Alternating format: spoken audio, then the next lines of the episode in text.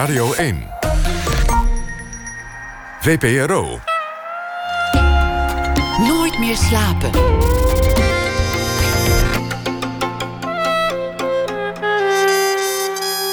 Met Pieter van der Wielen. Goedenacht en welkom bij Nooit meer slapen. Diederik Stapel zoekt de mooiste films bij de actualiteit, bij het verhaal van de dag. U hoort hem na één uur over de grens tussen fictie en werkelijkheid. Vertaler Roel Schuit krijgt een eh, belangrijke prijs voor het vertalen van Slavische literatuur naar het Nederlands. Hij is de gast na ene. Komend uur praat ik met Henny Vrienden. Drie uh, krasse knarren met elke gitaar. Ze vormden op latere leeftijd een bandje. Maar wat voor knarren zijn het? Alle drie legendes in de Nederlandse rock'n'roll. Golden Earring-gitarist George Kooijmans, Boudewijn de Groot en natuurlijk Henny Vriend. Vreemde kostgangers. Het is alweer een tweede album. En het heet, heel toepasselijk, Nachtwerk. Liedjes over de liefde, over eenzaamheid, over het schrijven zelf en over de dood. Henny Vrienden, geboren in 1948, is al muzikant sinds de jaren 60. Werd ongekend beroemd als voorman en bassist van Doe Maar met wie hij bij Tijd en Weide nog steeds optreedt, of weer optreedt. Hij maakt ook uh, eigen albums, maakt muziek voor film en televisie en theater. En is dus uh, een van deze formatie vreemde kostgangers. Henny Vrienden, welkom. Dankjewel, dank je.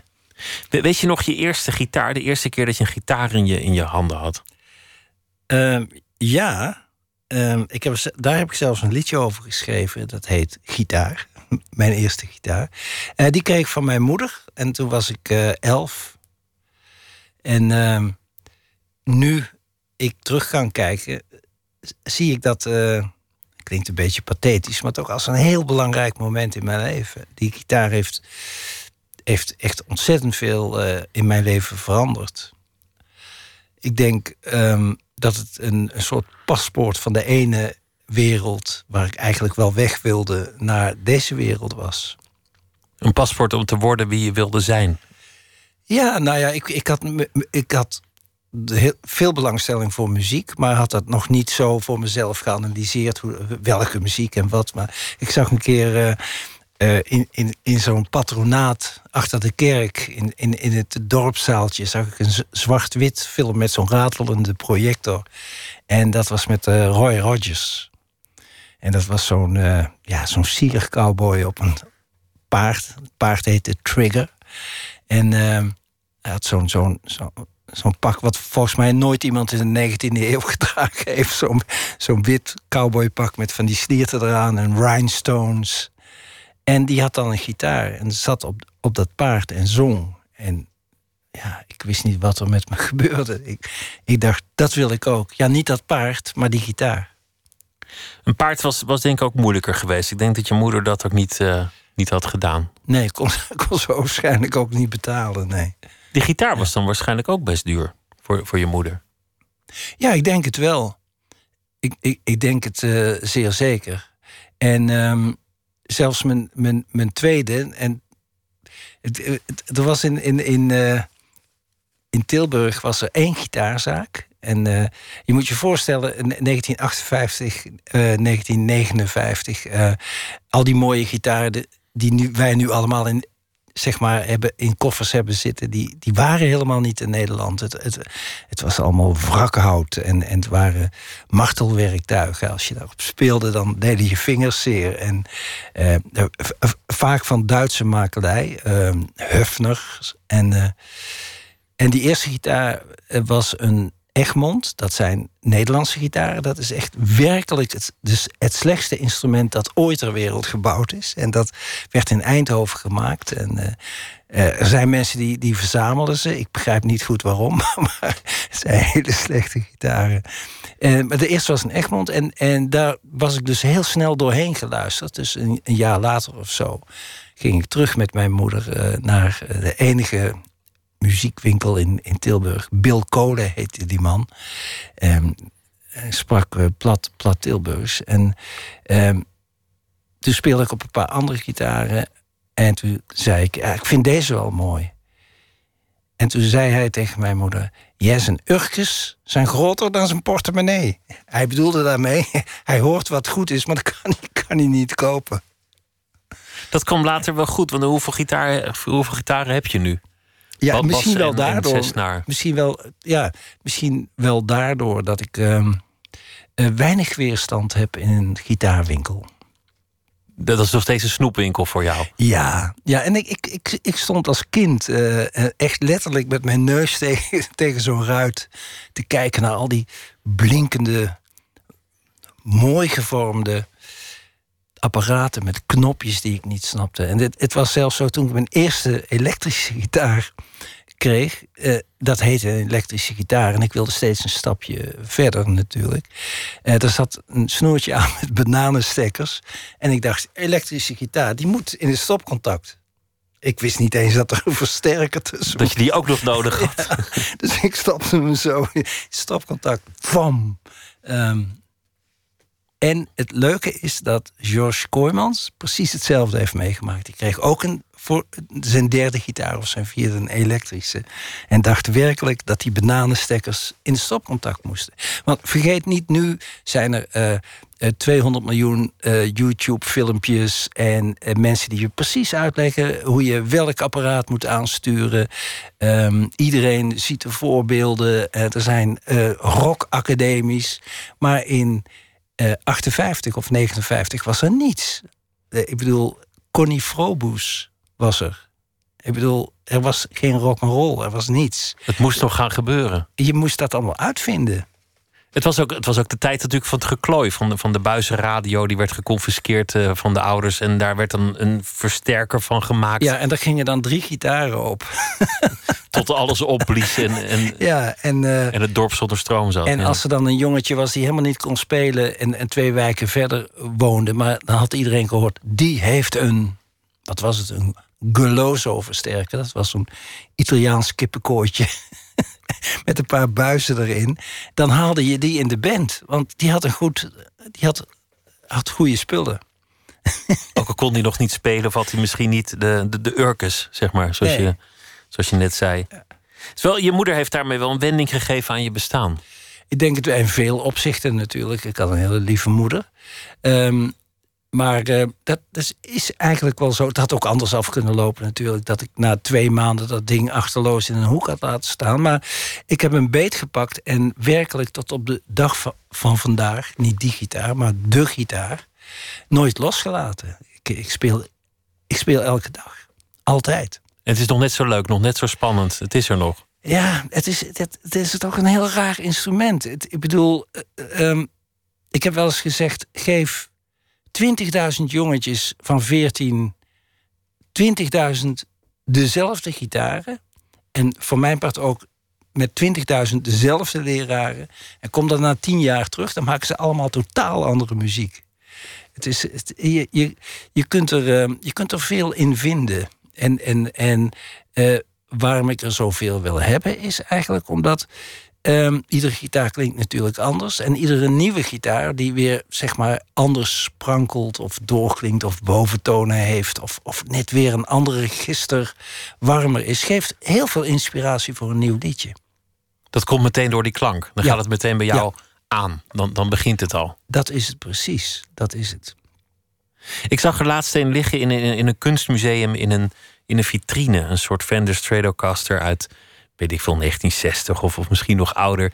En mensen die keken ernaar alsof het een kunstwerk was. En ik, en ik begreep dat ook, omdat de schoonheid en de symboliek ja. van, van de gitaar is, is zo groot. Het is eigenlijk de hele 20e eeuw ja. in, in één object. Nou ja, het is eigenlijk het instrument van de jeugdrevolutie. Hè? daarvoor uh, uh, was jeugd. Uh, ja, een, een, gedeelte van de mensheid dat zijn bek dicht moest houden. En, en, en ik, ik heb natuurlijk dat die, die wisseling, die, die, het was geen revolutie, want het ging natuurlijk allemaal zeer in pais en vree. Maar de jeugd kreeg een stem. En de gitaar speelde daar een grote rol in. En, en alle idolen speelden op zo'n ding. De, de voormannen, de, degene naar wie je opkeek. Ja, met, op piano was dat toch al een stuk moeilijker. dan had je uh, Elton John, nou ja. Ik bedoel, piano, dat is geen instrument. Ik chargeer een beetje hoor. Ik ben dol op piano. Maar ik bedoel, maar zo zag ik dat als kind gitaar was het ding. Terwijl je het meest bekend bent geworden als bassist.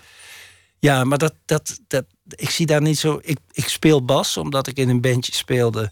waar een, uh, iemand die de leiding gaf, die piano speelde, was de intellectueel van de band. Die had een conservatorium gedaan. En die zei op een goede dag tegen mij: Ik speel de gitaar.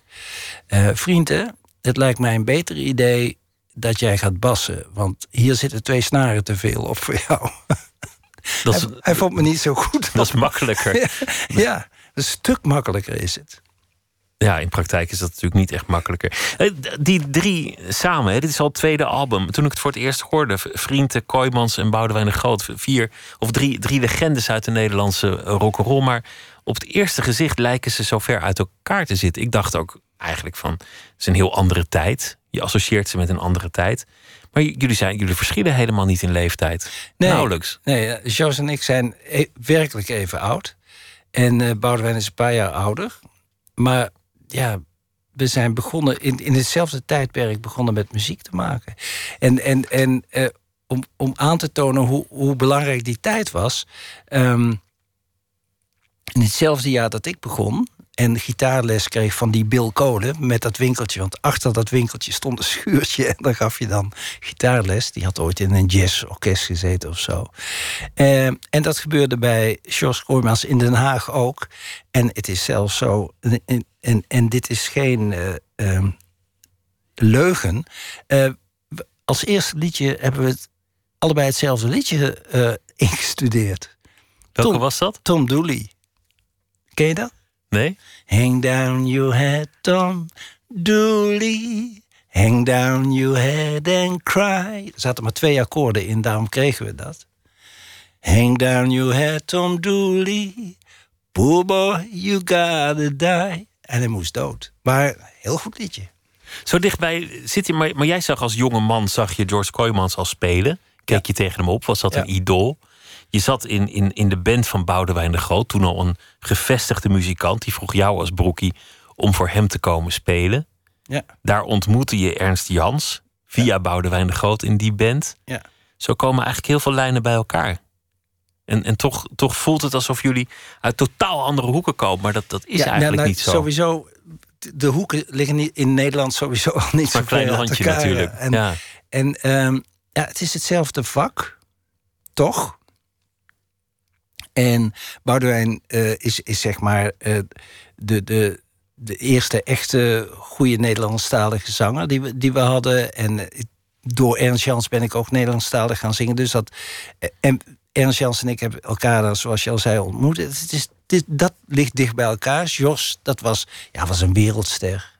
Die had Radar Love en die stonden overal ter wereld één. En die reisden over. Dat was wel een hele grote. Oh, is hij nog in, in, in mijn ogen. Uh, maar toch, we, we, hebben ook samen gespeeld. We hebben uh, een keer, in de, uh, doe maar, met, samen met de Earring gespeeld. Met vier bassisten, Radar Love. En um, we hebben hem een keer, de eerste keer dat wij op Pinkpop stonden, of de tweede keer, dat weet ik niet meer, hebben we hem gevraagd om een solo te komen spelen. Dus we kwamen elkaar wel tegen, we kenden elkaar ook wel. En toen ineens was er dit, dit project samen. Laten we luisteren naar een van de nummers die uh, op het nieuwe album uh, staat. Dat is uh, Warm vanavond.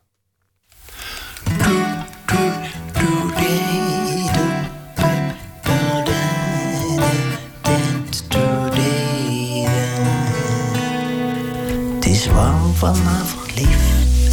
Trek je kleren uit. Zet de ramen we maken geen geluid.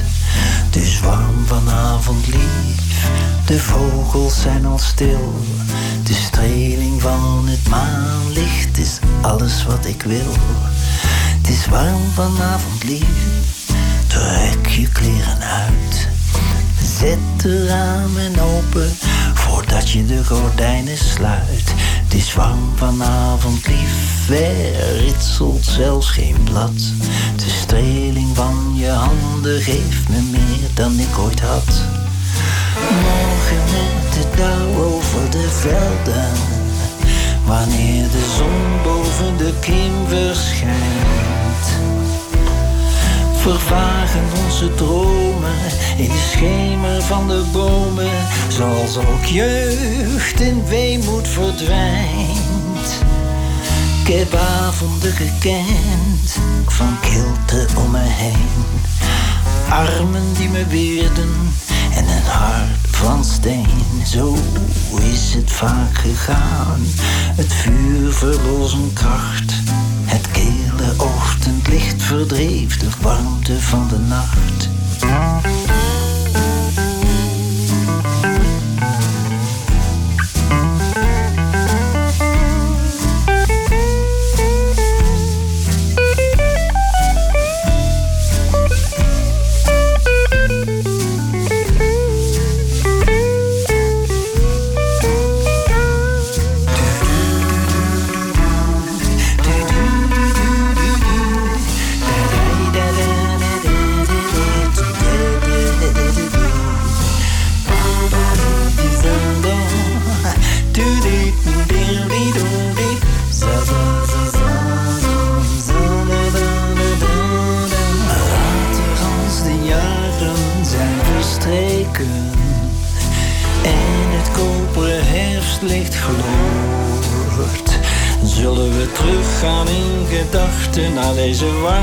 Stille nachten waarin alleen de eenzame roep van de uil werd gehoord. Het is warm vanavond, lief.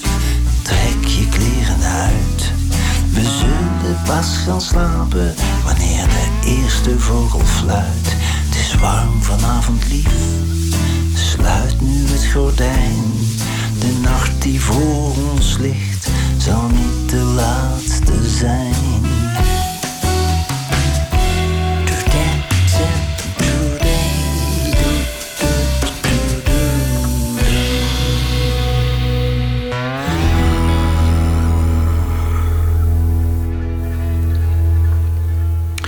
Vreemde kostgangers, de band van Boudewijn de Groot, George Kooijmans en Henny Vrienden. En Henny Vrienden zit tegenover me. Het nummer heette Warm vanavond. Allerlei eh, sferen komen langs op dat album. Sommige heel, heel liefdevol en heel zacht, melancholiek. Sommige ronduit gewoon escapisme, gewoon plezier. Ja, ja. Pret maken met z'n allen. Dingen, dingen vrij, vrij direct. Hoe is het anders nu, nu je, nu je een, een dagje ouder bent, om, om zo'n liedje te maken? Hoe maak je nu anders een liedje dan, dan je als jonge man deed? Nou, in dit geval was het eigenlijk ook weer helemaal anders dan gewoonlijk. eh, omdat ehm Boudewijn had besloten om niet te componeren en alleen teksten te schrijven. Maar dan in een onwaarschijnlijk tempo. En, en ook prachtige teksten. De ene na de andere vielen bij Jos en mij binnen. En ehm, nou, toen dacht ik, nou, dan hoef ik geen tekst te schrijven. Fijn. Doe jij dat En- dan maar? Ja. Ja, en ehm, ja, alleen maar plezier eigenlijk. Jos eh, koos een aantal en ik koos een aantal. En dan zaten we thuis dat uit te werken. En toen samen in de studio. Maar eh, alleen maar, ja, onwaarschijnlijk soepele samenwerking was dit. Het, je hoort ook een beetje jullie gesprekken terugkomen in, in de liedjes. Althans, dat denk ik dan als, als luisteraar. En het zijn ook gesprekken van, van mensen die film hebben meegemaakt en de essentie meer zijn gaan zien. Die dingen achter zich zijn, zijn gaan laten. Die vrijer zijn. Ja, ja. Nou, jij, jij- ziet er diepte in. Dat zie jij niet zo. Jawel, ook wel, maar da- daar ga je niet op voorstaan. Dat, dat oude wijze mannen gelul. Dat, Liever niet. nee, nee, nee, maar het, het, is wel zo, het is wel zo dat je... ehm, ehm, als je nu een liefdesliedje schrijft... dat het eh, een, een andere porté heeft, een andere, ander gevoel... en ook een ander belang dan wanneer je het doet als je twintig bent.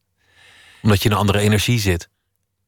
Nou, dat hoeft helemaal niet. Je, je, ik, ik, betrap mezelf wel eens op ouderwetse energie wat dat betreft. Maar, maar eh, je hebt ehm, zoveel vergelijkingsmateriaal.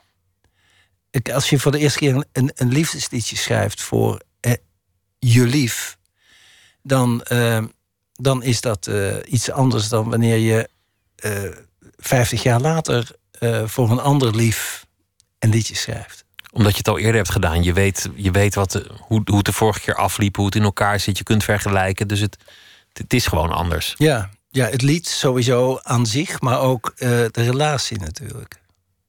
Je zei net dat de gitaar een, een, ook, ook een paspoort naar een andere wereld was. De, de, de wereld waarin je opgroeide. Je, je vader was een ambachtsman, een, een timmerman. Ja. En, en eh, er, er was ook niet zo heel veel geld thuis. Nee. En jij, uh, nou ja, de, de wereld lonkte, de wereld van de vrijheid en die van, van de rock and roll. Ja, nou, nou ja, het was natuurlijk ook het uh, katholieke zuiden. En dat was nog de tijd, nou zeg maar, het, het, liep een beetje op het kruispunt dat de kerken leeg gingen lopen. Dat begon in 60. Uh, maar maar in, in mijn jonge jeugd was, was dat nog helemaal niet het gevoel, het geval. En ik herinner me eigenlijk alleen maar muren. ik, de eerste jaren woonde ik in Hilverenbeek, is een klein camp, campendorpje onder Tilburg. Maar vanaf mijn achtste in Tilburg. En dat was een stad van alleen maar muren. Hè? Muren om kloosters heen, muren om die wolfabrieken. En dan liep je dan als jongetje in je korte broek langs muren. En verder zag je daar niets. je verlangde naar vrijheid en je kreeg muren.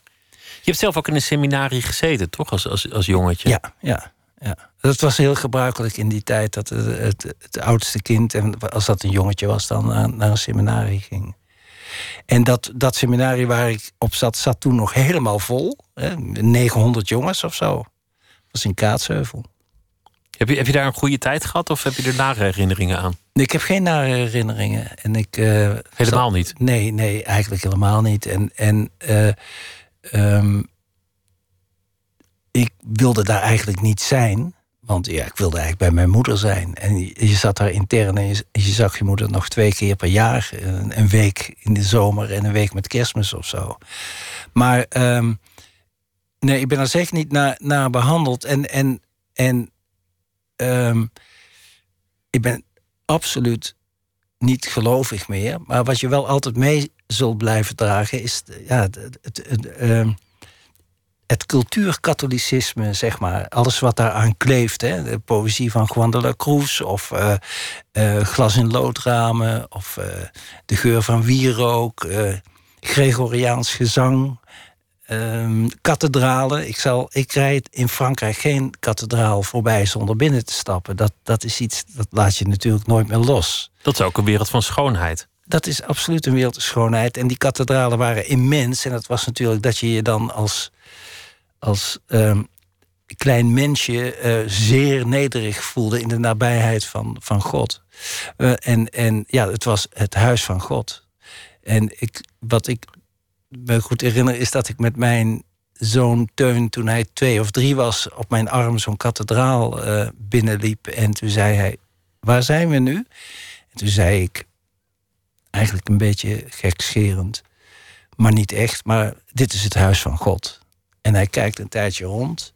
En nog een tijdje rond en zegt dan: Papa, is God niet thuis? En toen dacht ik: Hij heeft de kern, de kern van het probleem. God heeft een mooi huis, hij is er alleen niet. Hij, bestaat alleen niet. Ja. Je, je eerste platen maakte je onder een andere naam. De, dat, helemaal in, die, in de jaren, nou ja, wat zal het zijn geweest? 70, ja, begin jaren 70. Ja onder verschillende artiestennamen heb je wel singeltjes uitgebracht. Het, het, duurde heel lang voordat ik erachter kwam dat ik Henny Vriend heette. Ja, dat, ik mezelf vond. Dat, dat je jezelf kon zijn en dan toch iemand kon zijn. Dus, dus je, wilde, je wilde iets maken, je wilde iets, iets creëren. Ja, nou, het was heel gebruikelijk om, om Engelstalige muziek te maken in, in het begin. En, en, en dat deden al die bandjes, al die beatbandjes waar ik in zat. Dus ik deed dat ook. En... Uh, ja, het was ook heel gebruikelijk om een artiest te naam. Platenmaatschappij kwamen daar ook mee. Wij vinden jou een Paul Santos. Paul Santos, een mooie naam. probeer die dan ook, eh, eh, probeer die dat dan ook vorm te geven? Probeer die dan ook iemand te zijn die, die op Paul Santos leek? Nou ja, nou kijk, altijd als je op een podium staat en je bent niet helemaal jezelf, en dat ben je niet als je de naam van Paul Santos, dat is gedoemd te mislukken, denk ik. Dat was bij mij in ieder geval wel het geval. Je moet jezelf zijn. Ze moeten je kunnen ja, herkennen. het duurt even voordat je weet wie je bent. En dat is belangrijk om, om het publiek aan te spreken, weten wie je bent. Nou, het heeft, heeft, ook, heeft ook te maken met geloven in wat je doet. En, en toen ik daar Engels stond te zingen met een afgrijzelijk accent. Uh, ja, kon ik daar nog niet echt in geloven. En, en pas maar door mensen als Boudewijn en de, door mensen als Ernst Jans vooral, die, die, die begon met dat Nederlandstalige pop op, in, op, op rock en calypso en, en reggae. Um,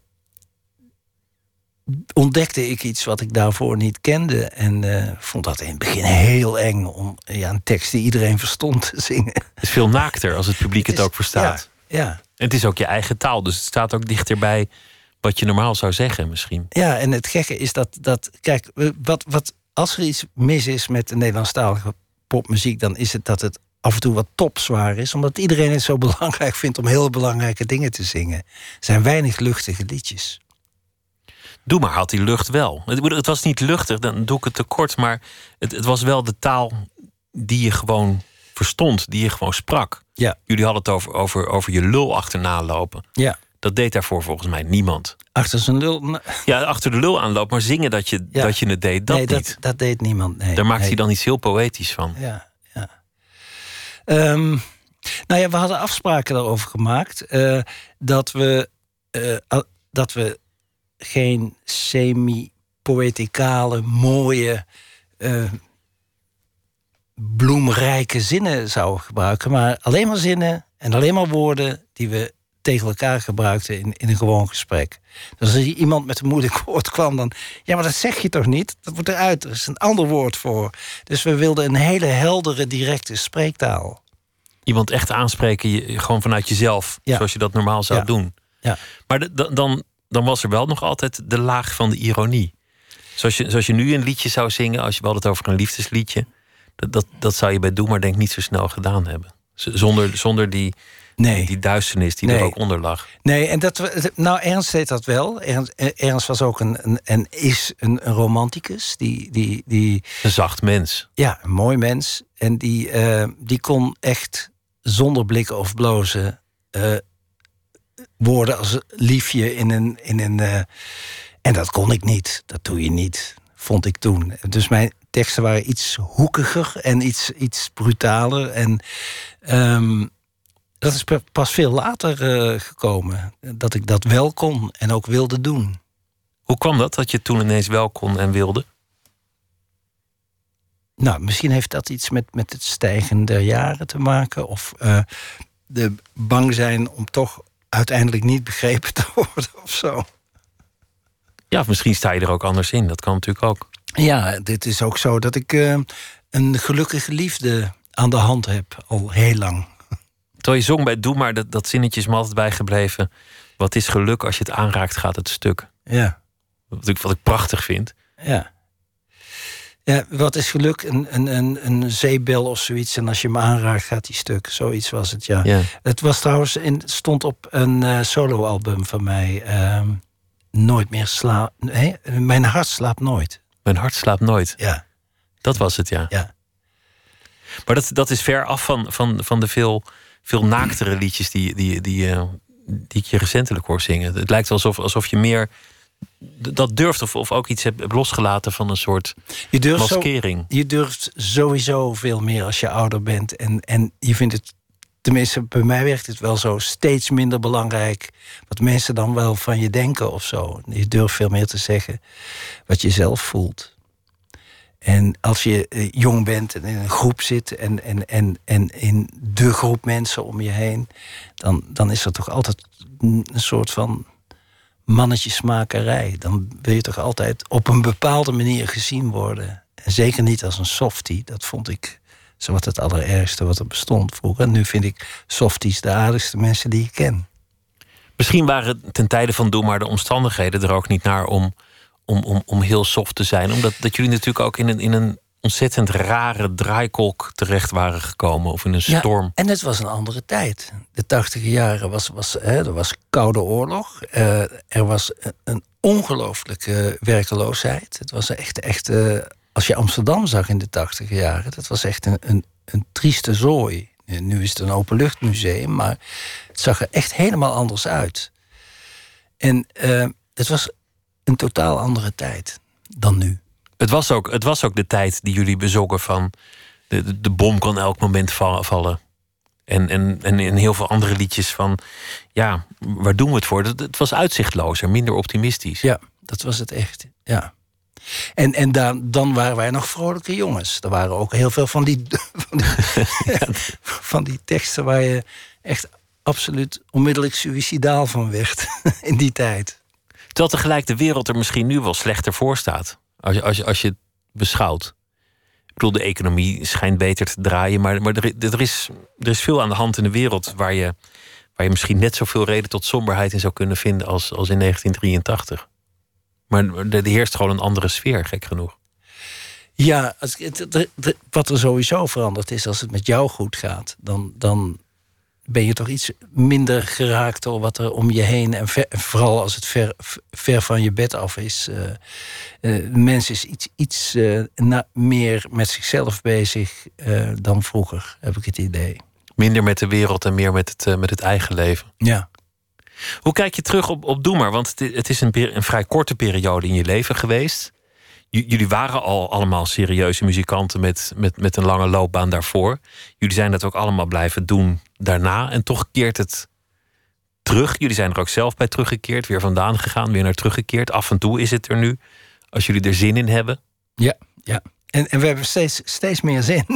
Ja, ja dat, is, dat is zo. We vinden het zo leuk om te spelen nu. Um, maar eh, wat was je vraag precies? Nou, hoe, hoe, beschouw je dat eigenlijk in je leven? Nou ja, dit. Is het iets dat je denkt, god, daar gaan we weer over doen, maar? Of, nee, helemaal of is, niet. Is het gevoel eh, van trots en vreugde? Het, ja, trots is een groot woord, maar ik ben wel... Ja, ik ben eigenlijk heel trots op dat bandje. Ik bedoel, en het heeft mij heel erg veel gebracht. Hoe, hoe ik het ook bekijk. Kijk, Doe maar ging uit elkaar. En uh, een dag later werd ik gevraagd door een, regisseur, Vivian Pieters, om een, een, score voor een film te schrijven. Dat had ze nooit gedaan als ik niet in Doema had gezeten. En, en, vervolgens heb ik 30 jaar lang filmmuziek gemaakt. Uh, het, het, heeft, ja, het, en, en, en nou, dat is een cliché voor. Het opent deuren. Succes opent deuren. Ja. In heel veel andere richtingen. Ja. Maar die andere dingen waren allemaal even belangrijk voor je. Ja, nou ja. Alles wat je hebt gedaan heeft. Ik bedoel, het is niet dat, dat het een eruit springt boven het ander, heb ik de Nee, maar ik, ik, ik, ik, ik heb wel eerder gezegd dat ik in een liedje voor Sesamstraat, wat ik nog steeds doe, evenveel energie en, en liefde en, en uh, um, vakmanschap, als, je, als ik dat arrogante woord mag gebruiken, maar is, instopt als in een Doe maar of Vreemde Kostgangersliedje. Dat, als je iets doet, dan moet je het goed doen of niet doen denk ik. Die energie lijkt, die lijkt toch steeds enorm te zijn. Als ik zie hoeveel dingen je doet. Gewoon een, een, een soloalbum, Vreemde Kostgangers, uh, Doe maar. De, de, de filmprojecten, andere projecten die doorgaan. Ja. er is absoluut nog geen rust of, of uh, ja, ingekomen. Er, er, is wel wat meer rust, maar die woont meer in mij. En, en dat werkt door natuurlijk. En, en ik doe echt niet zoveel als ik vroeger deed. Maar ja, het wordt wel allemaal gezien. Dus dan lijkt het heel veel. Dan lijkt het meer dan het is. Ja. Maar er lijkt ook nog wel een creatieve honger te zijn. Ja, ja. En, en nog steeds ambitie om mooie dingen te maken. En uh, ja, we lijken wel gek. Negen maanden geleden uh, brachten we die vorige plaat uit. Een, een live album. En uh, nu lig, liggen er weer 16 liedjes. Ik bedoel, ja. Ik weet ook niet waarom. Men zegt dat we haast hebben. Er zit een, eh, een, mooi liedje bij dat uh, Boudewijn ook voor jou geschreven heeft. Volgens mij gaat het over jou, misschien ook een beetje over zichzelf. Water bij de wijn. Over uh, nou ja, alle dingen die je niet meer moet. Wanneer je op een gegeven moment besloten hebt dat je genoeg dingen hebt gedaan alleen omdat ze moesten. Vreemde kostgangers.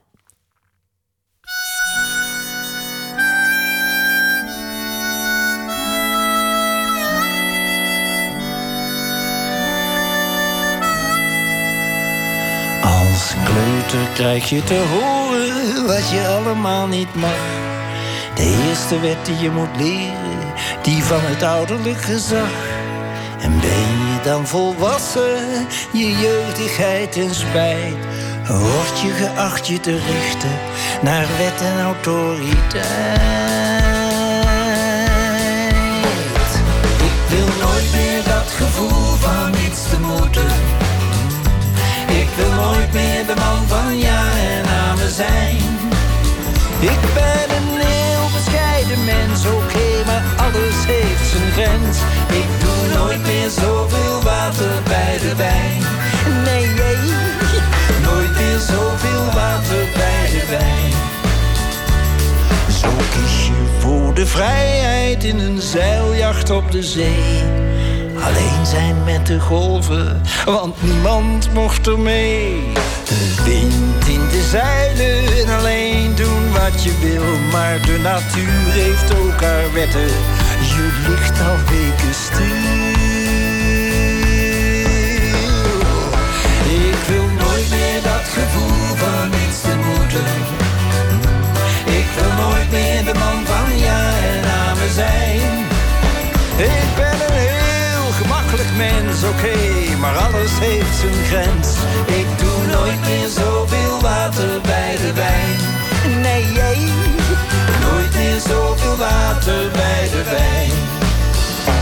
Ja, dat dacht ik heel mijn leven. En zo werd het al maar later. Ik heb heel veel toegegeven. En zo werd mijn wijn tenslotte water.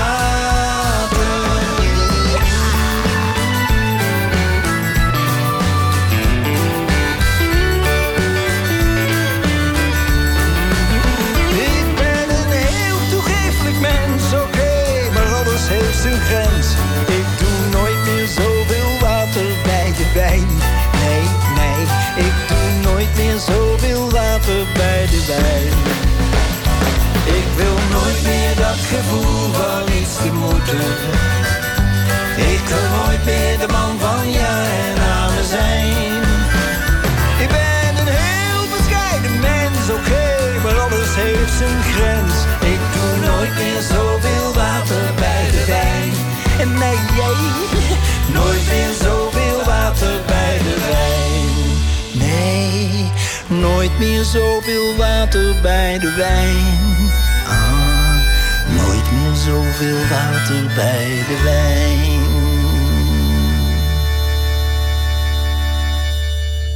Vreemde kostgangers met water bij de wijn. En eh, Henny Vrienden zit eh, tegenover mij.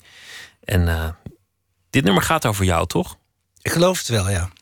Maar het kan over iedereen gaan natuurlijk. Dus, Ja. dus waar hebben we het over? ja. Nou, wat ik wel. Eh, de, de vorige keer dat we liedjes maakten voor het vorige programma. We gaan nu met het nieuwe programma in februari weer het theaters in. Maar de vorige keer ehm, was het zo dat eh Boudewijn ook wel wat teksten voor mij had geschreven. Maar dat vond ik moeilijk om te zingen, omdat het vaak over iets buiten mij omging. Of, of, of een, een, een toestand in de wereld. Of, of, of een liedje over schrijven. En dan zei ik, ja, ik kan dit niet zingen, want ik, ik voel hem niet. Eh, ik- en ik gebruik sowieso altijd veel minder woorden en, en Andere woorden. andere woorden. En ik ehm, vind het heel belangrijk. Kijk, Boudewijn heeft een hele goede dictie. En ehm, die krijgt al die ellenlange teksten moeiteloos. Want dat is zijn vak, krijgt hij door zijn strot. Bij mij is dat veel moeilijker. Bij mij moet het vloeien. Ik heb een Brabantse tongval. Dat moet rollen. En ehm, nou, nu heeft Boudewijn dat echt ter harte genomen. En de tekst is zo geschreven. eh, In de eerste plaats dat ze wel over mij gingen. Een liedje als Geloof, Hoop, Liefde. eh, over, over, over misdienaars en zo. Ja, dat staat allemaal heel dicht bij me. En dat water bij de wijn. Dat ik eigenlijk, eigenlijk wel een makkelijk mens ben. Maar nu iets heb van... Ja, jezus, maar ga niet alles doen. Of dit of dat. Of dat. Ik begin iets hoekiger te worden. En dat, dat heeft hij heel goed in een, in een tekst eh, gevat. En dan zit er ook nog, nog, nog natuurlijk gewoon pret bij. Nou ja, over, over de dood. Hè, van van, de, van de, de, de dood beschouwen jullie van ja, dan, dan lig je daar, maar dan mag je niks, dan zie je niemand meer. De dood is een eenzaam avontuur. Een eenzaam avontuur, dus Ja. doe het nu maar. Ja, Doe, doe het nu maar, want, want straks gaat het allemaal niet meer gebeuren. ja, ja. De- Boudewijn, dit is een, een, een dichtader open gegaan. Hij heeft echt waanzinnige teksten geschreven. En meestal vier uur in de ochtend. Wordt hij wakker. Dan pakt hij zijn laptop, maakt een tekst. En dan is hij, nou, echt iedere dag één zo. Dat was echt ongelooflijk. In die documentaire die over jullie gemaakt is, zie je ook, ook een beetje het proces en ook het plezier dat, dat erin zit. De, gewoon de gesprekken, even samen eten. Drie totaal verschillende karakters, maar, maar ook wel de vriendschap als basis. En natuurlijk het, de liefde voor het lied. Voor Ja. het maken van een, van een liedje. Ja, en, en het is ook een soort van wonder, want we doen dat alle drie op een hele andere manier. En ehm, toch naadloos past het samen. En, en dat komt ook natuurlijk omdat we respect voor elkaar hebben. En, en als iemand een ei kwijt wil, zal de andere hè, dat niet beletten of zal niet in de weg staan. Dus iedereen krijgt gewoon zijn, zijn ruimte.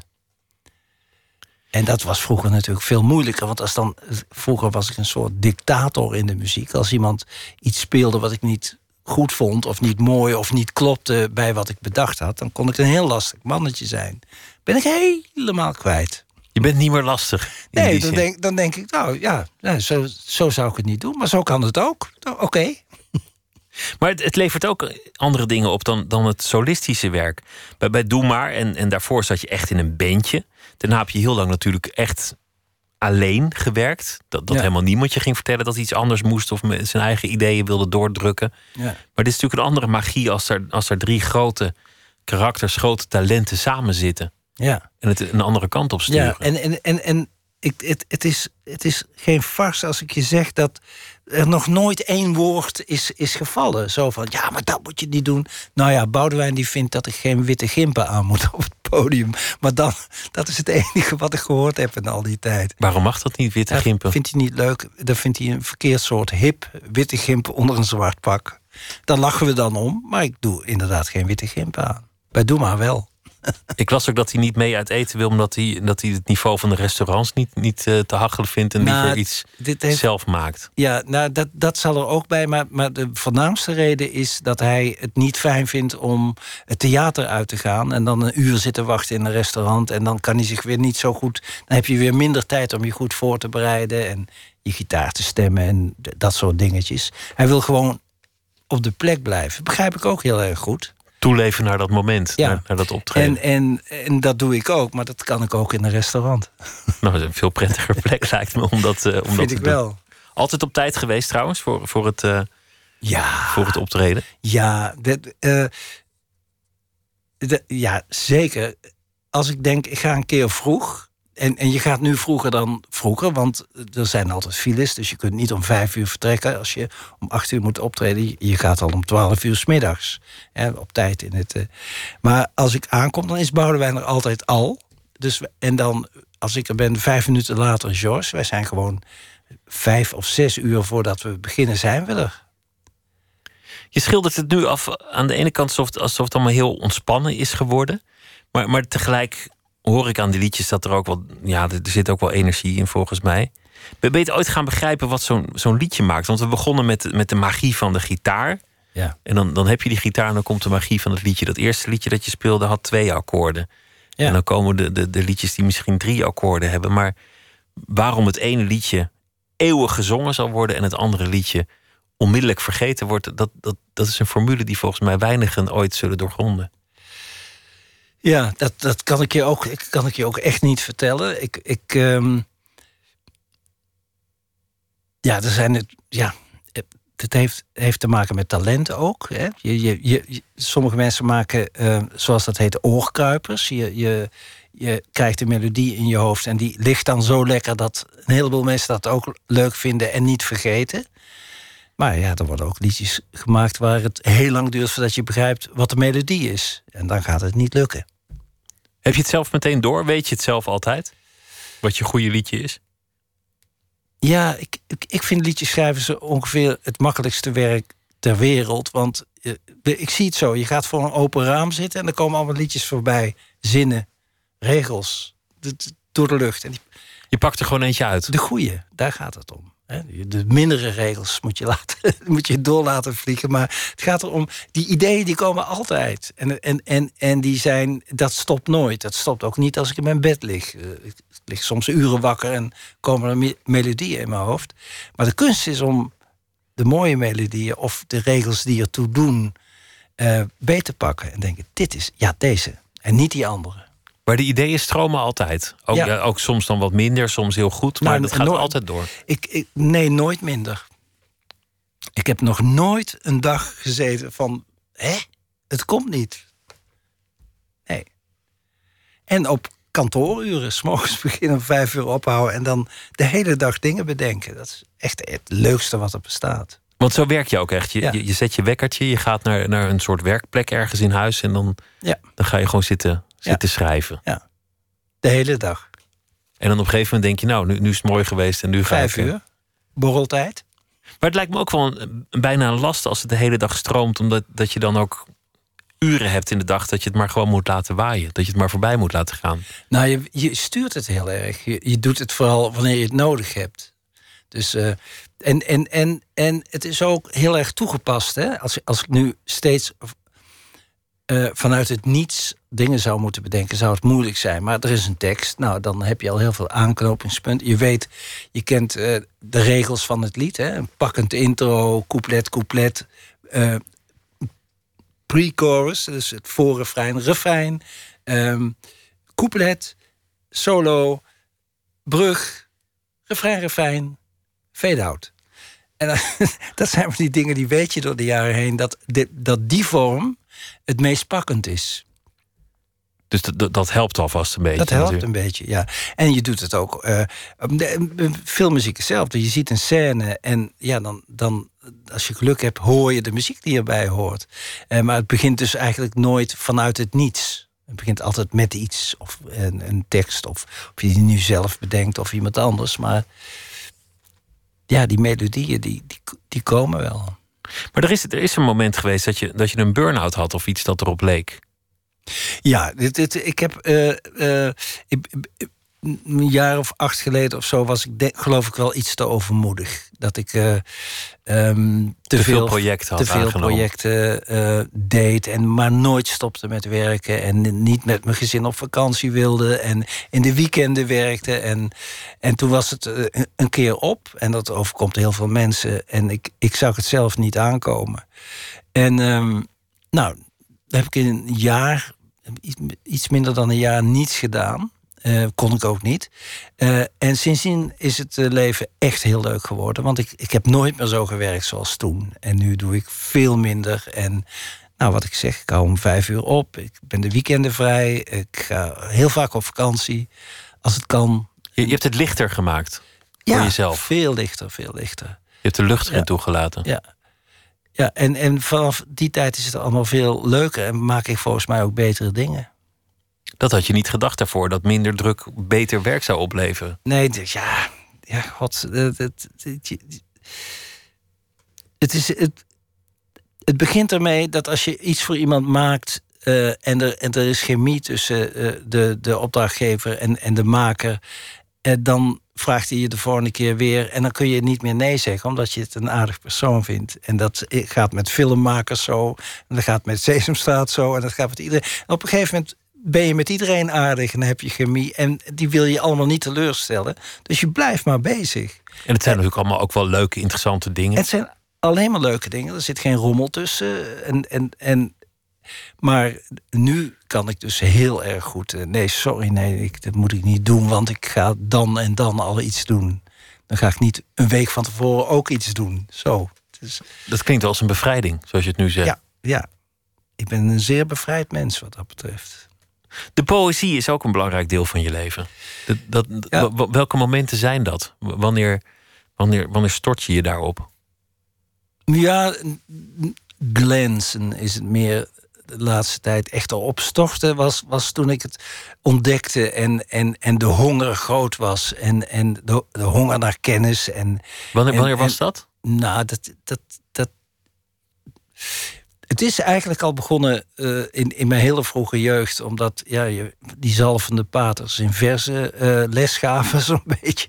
Ik had een, een geschiedenis. Ja, het is ook een soort poëzie eigenlijk. Ja. Nou ja, maar ik had een geschiedenispater, zo, zo, noem ik hem even voor het gemak, die bijvoorbeeld uh, de overwintering op Nova Zembla, het gedicht van Tollens uit, uit zijn hoofd. ik, ik, geloof dat het 64 versen zijn of zo.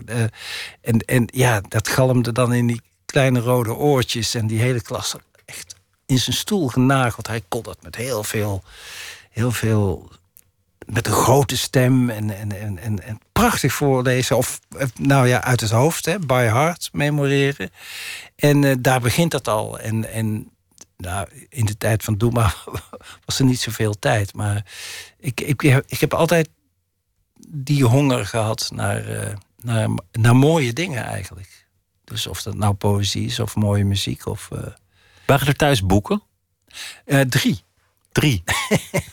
ja. Een telefoonboek? Uh, nee, nee, nee. Um, Absalom O Absalom, een Margriet-vertaling van Faulkner. Ehm, de postduif en haar kenmerken. En een eendelige encyclopedie van Elsevier. Eendelig. Um, die altijd open viel uh, op, bij de I. Dan stond een zwart-witte ets in van Iris aan de Bron. En dat was de enige en eerste naakte vrouw die ik als jongetje zag. Keek ik iedere dag even naar. Um, dat waren de drie boeken. En, en, en, verder kreeg je dat helemaal niet mee, dus eigenlijk? Die, die, die nee, maar ja, goed.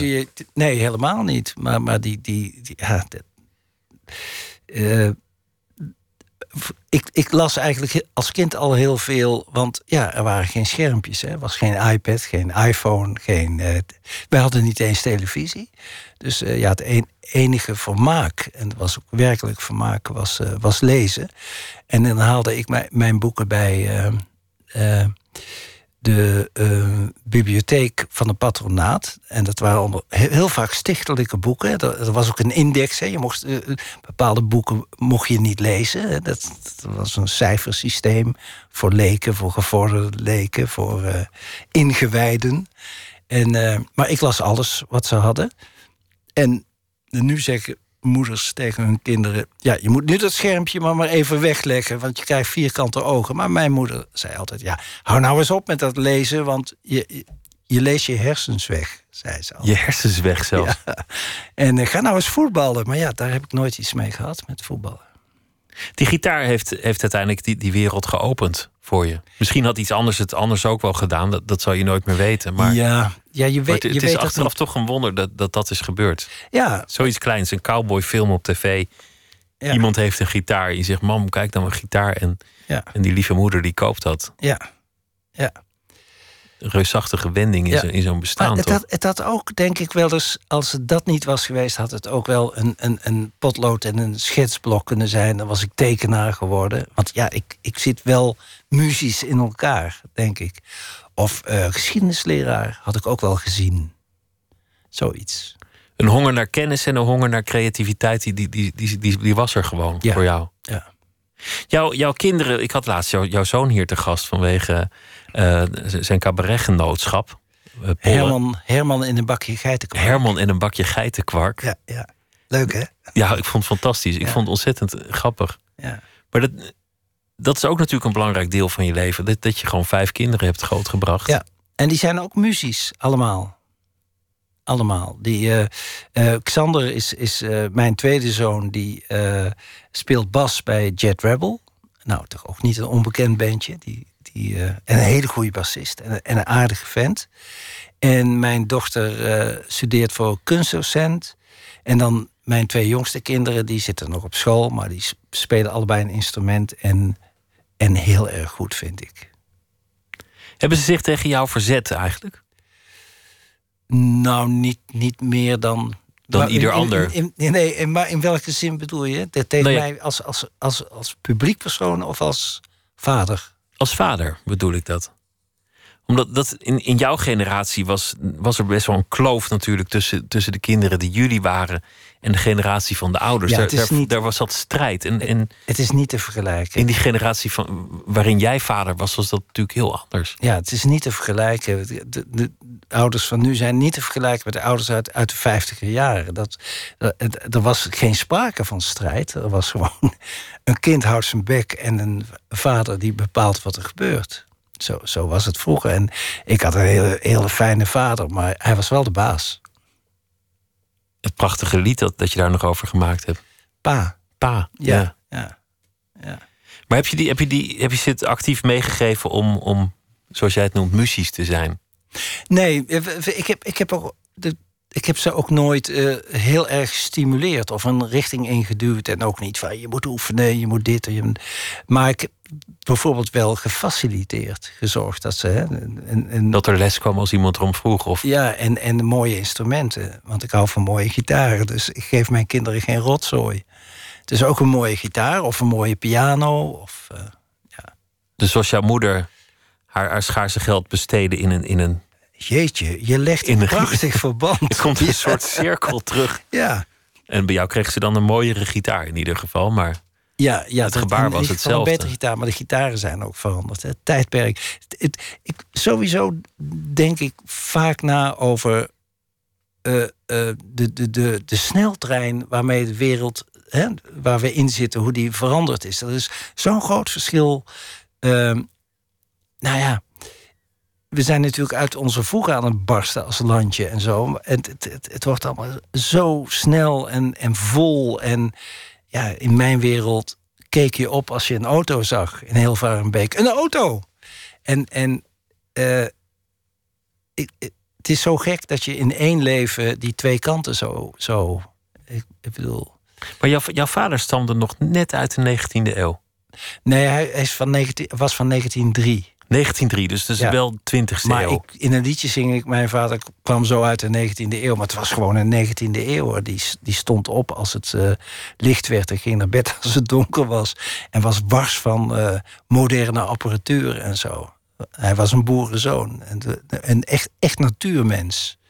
Mooie man. En jouw kinderen zijn, zijn net niet van de 21e eeuw. Ik zit even te denken of dat. Mijn jonge kinderen wel. Die zijn wel, dat is al Ja. 21e eeuw. Ja. Dus dan nou ja, bijna, ja, het voelt, Je voelt veel zou, je langer. zou dan- er zo een boek over kunnen schrijven. Ja, de, de eeuw van, Ja. van mijn vader en, en de eeuw van mijn kinderen. Jullie gaan, eh, jullie gaan toeren met eh, vreemde kostgangers. Dat zei je vanaf, eh, vanaf februari. Ja. En wat gaat er verder gebeuren in de, in de komende maanden? Eh, ja, dat is. Ik, ik, eh, na die tour, maar die, die duurt sowieso al drie maanden. We gaan heel veel theaters doen. Ehm, eh, daarna ga ik denk ik eh, op een lange vakantie met mijn gezin. En ik ben aan het werk alweer aan de derde. Ik heb drie luik met de solo-albums. De eerste was En toch. De tweede was Alles is anders. En nu, ik wil dat afmaken met een derde. En dan beschouw ik dat hoofdstuk als gesloten. De trilogie. Ja. En ehm, eh, daarna, er is sprake van, maar misschien mag ik dat helemaal nog niet zeggen hier, maar dat het, het oude bandje bestaat dan 40 jaar. Dat we misschien ook wel een paar clubs gaan doen of zo. Een clubtour met Doe Maar. Ja, Oh, dat, dat, zou wel, dat zou wel fantastisch zijn natuurlijk. Ja, lijkt mij ook fantastisch. Ja, ik zie aan je ogen dat dat gaat gebeuren... maar dat je het gewoon nog eigenlijk niet mag zeggen van de promotor. Nou, dit, alles mag, maar het, het is ook helemaal niet zeker, maar we, we, we denken eraan. Ik zou het een goed idee vinden. Maar eerst met eh, de vreemde kostgangers eh, op pad. Henny Vriend, dank je wel dat je te gast wilde zijn. En Ja. eh, veel plezier met alles dat je gaat doen. Fijn. Mag ik nu naar bed? Je mag naar bed. Oké. Zometeen gaan we verder met Nooit meer slapen. En dan gaan we het hebben over het vertalen. Diederik Stapel heeft een verhaal. En we gaan het hebben over de Queer and Migrant Film Festival. Dat allemaal zometeen Twitter, het VPRO NMS.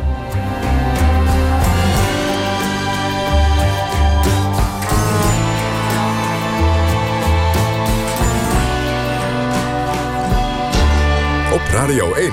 Het nieuws van alle kanten.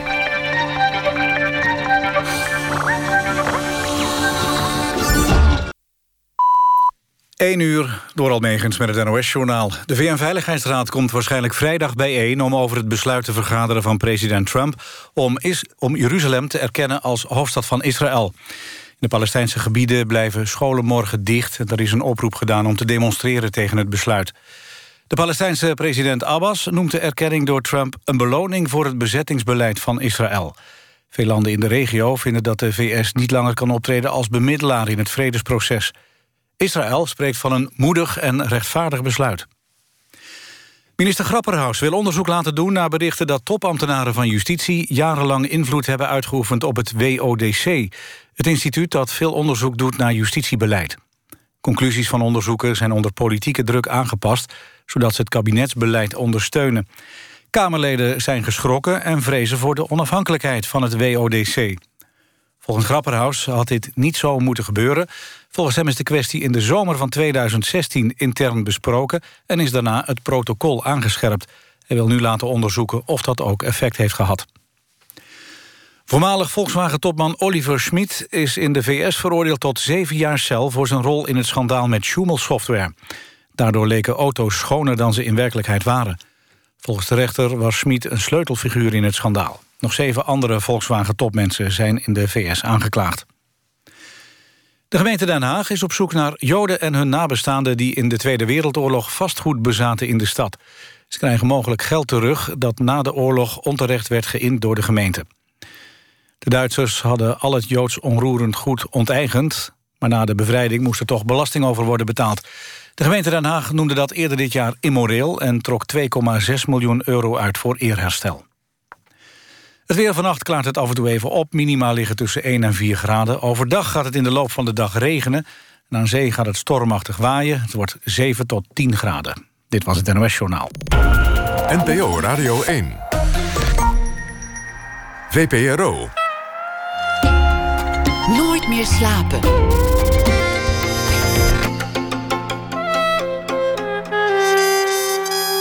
Met Pieter van der Wielen. In verschillende grote steden begint uh, vandaag het uh, International Queer and Migrant Film Festival. Een festival met films en evenementen over uh, films door en over mensen met een LHBTI-achtergrond uit verschillende landen.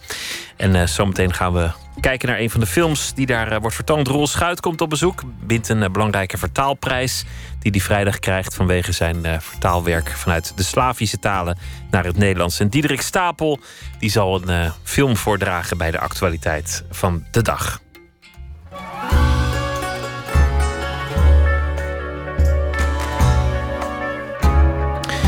De droom van uh, elke kunstliefhebber of uh, kunsthandelaar: dat je iets koopt voor 1100 euro en het blijkt iets heel anders te zijn. En het is ineens uh, het 25-voudige zeker waard. En dat gebeurde de jonge kunsthandelaar Cas Bunk, die samen met zijn vader ergens aan het kijken was op een veiling. En wat zij wisten dat ze kochten, maar wat de verkopende partij niet doorhad, was dat ze een echte Cornelis Springer bij de kladden hadden. Een Mooie koop, kortom. Goedenacht, uh, Cas Bunk. Goedenacht, hallo. Dit is waar iedere kunsthandelaar van droomt, toch? Dat je iets koopt en het blijkt iets anders te Oh, zijn. ja. Dit is geweldig, ja. Hartstikke leuk gevonden. Wist je het al toen je het kocht? Had je het helemaal door? Ja, ja ik, heb het, eh, ik heb het heel goed onderzocht. Ook, ehm, we gingen eerst naar de kijkdag en ik ging met mijn ouders. En uh, nou, daar maak ik altijd een leuk dagje van. En uh, toen, nou, toen kwamen we daar en en we liepen met mijn vader mee en ik probeer zoveel mogelijk van hem te leren. En dat doen we altijd door uh, dat ik het eerst moet zeggen en dan zegt hij het. Maar in dit geval uh, liep hij alvast door.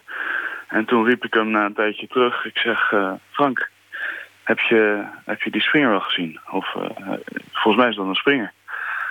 En dan, toen zei hij, wat? Nou, ging hij eventjes snel een rondje maken. Een beetje voorzichtig natuurlijk, wil niet veel aandacht trekken. En toen, uh, toen uh, uh, liep hij weer terug en zegt hij... zo, die gaan we kopen. Hoe staat die omschreven? En, dus ik kijk even in de catalogus. En zie ik staan dat hij staat als Charles Roggessen. En dat is een hele andere schilder, ja. Hij, hij, het past er wel bij op zich. Want die Roggessen die maakt ja, veel meer uiteenlopende onderwerpen. Dus we zouden in principe... vind ik het helemaal niet zo'n gekke toeschrijving. Alleen, um, Charles Roggessen die signeert vaak met CR. Dat is uh, nou, zijn initialen dus. En uh, in dit geval zag ik, uh, half achter de lijst, zag ik een monogrammetje staan met CS. Nou ja, dat was, dat was toen hartstikke duidelijk. Toen wist je het. Dus het ging van 1100 waarde wat jij hebt betaald naar, nou ja, wat zal het zijn? 25.000, 30.000? Ja, nou ja, uh, 50.000, dat, zoiets ja. Je vader zal ook wel trots zijn geweest. Frank Bunk, ook uh, kunsthandelaar. Was hij ja, trots op ja. je? Ja, hij was heel trots, ja. Dat, uh, dat is ook, dat, uh, ja, gewoon hartstikke leuk geweest. Daar hebben we iets heel moois van gemaakt. Het gaat om het kijken, hè? Dat is, dat is het, het opletten, het kijken, scherp zijn... en hopen dat iemand anders iets over het hoofd heeft gezien. Ja, ja nou ja, het is... kijk, dat, dat, dat het meer waard is, dat is natuurlijk mooi meegenomen. Maar uh, het plezier zit er meer in, in de vondst dat je iets ziet wat, wat een ander dan niet heeft gezien. Of sterker nog, wat niemand anders heeft gezien. En dan inclusief mijn vader een keertje. Want, ja, we hebben wel eens vaker wat gezien wat dan wat meer waard is. En dan kopen we dat wel gunstig. Maar in dit geval is dat toch wel eventjes een heel ander verhaal. Ja, daar was en het grote... Ja. Het, kijken, dat is, dat is het allerbelangrijkste. Hè. Als, als handelaar moet je zoveel mogelijk vertrouwen wekken van, van de klanten. En dat, dat je de waarde goed inschat, dat is, dat is heel belangrijk. Maar nog fundamenteler is authenticiteit. Dus juiste toeschrijving, weten waar je het over hebt, dat, dat begint allemaal met wie is de kunstenaar? En daar moet je gewoon hartstikke zeker van zijn. En dit is toch gewoon een heel leuk signaal dat het, dat het de goede kant op gaat. Ja, zo leer je het uh, in de praktijk van je, van je vader in het uh, bedrijf. Het grote verhaal van, de, van de afgelopen maanden was natuurlijk een Leonardo da Vinci... die ineens van een waarde van 25.000 naar, wat was het, 50 miljoen of zoiets ging.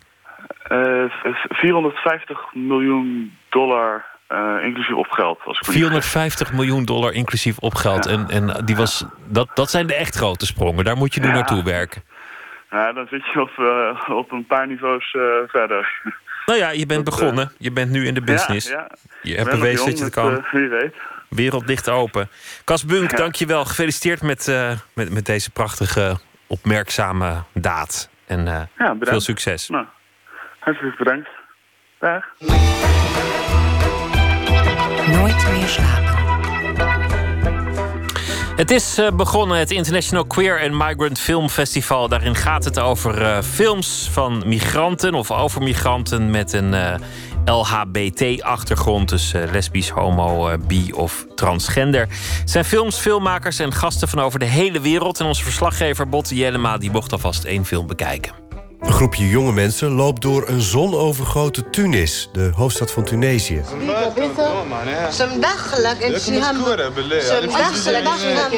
In het groepje zitten twee mannen die in drag zijn. Ze zien eruit als vrouwen. Ze komen een paar mannen tegen die daar iets van zeggen.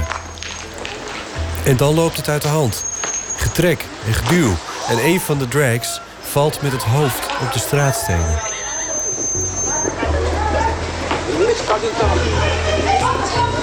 Dit is een van de scènes uit de film Upon the Shadow. Een documentaire over een groep mensen die zich hebben verzameld in een huis.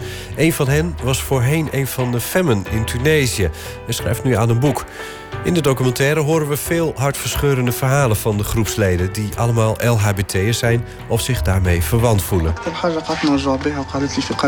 Een van die jongens vertelt over zijn getroubleerde relatie met zijn ouders... Zijn vader zag hoe hij een sweater met een veehals droeg, wat in diens ogen verkeerd was. De vader verscheurde de sweater en nog erger, mishandelde hem.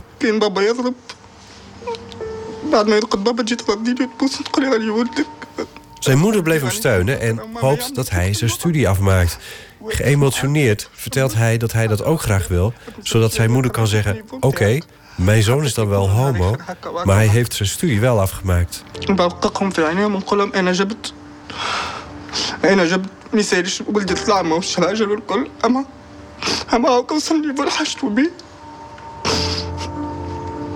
I guess it's the first feature documentary talking specifically about real struggle of LGBTQI community in Tunisia. Karam komt uit Tunesië en is van plan om daar in januari een vergelijkbaar festival op te zetten als het Queer and Migrant Film Festival hier in Nederland. You know, there are happy moments, sad moments. Yeah. And it's really a, a, good movie to watch. Hij zegt dat Upon the Shadow de eerste documentaire is die indringend het verhaal vertelt van de problemen van de LHBT-gemeenschap in Tunesië. So the article 230, it's the article that criminalize like homosexuality. Artikel 230 is een wet in Tunesië die homoseksualiteit en homoseksuele gedragingen strafbaar maakt. It's like um, wrote uh, under the, the French uh, protectorate. Een erfenis van de Franse kolonisten in Tunesië. We still like uh, criminalize people, put them in jail, undergo the anal test.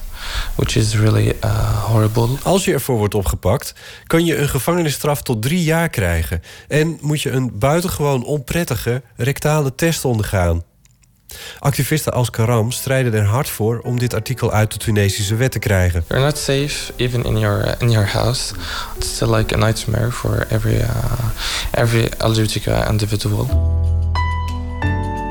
Over de hele wereld zijn er queer of LHBT filmfestivals.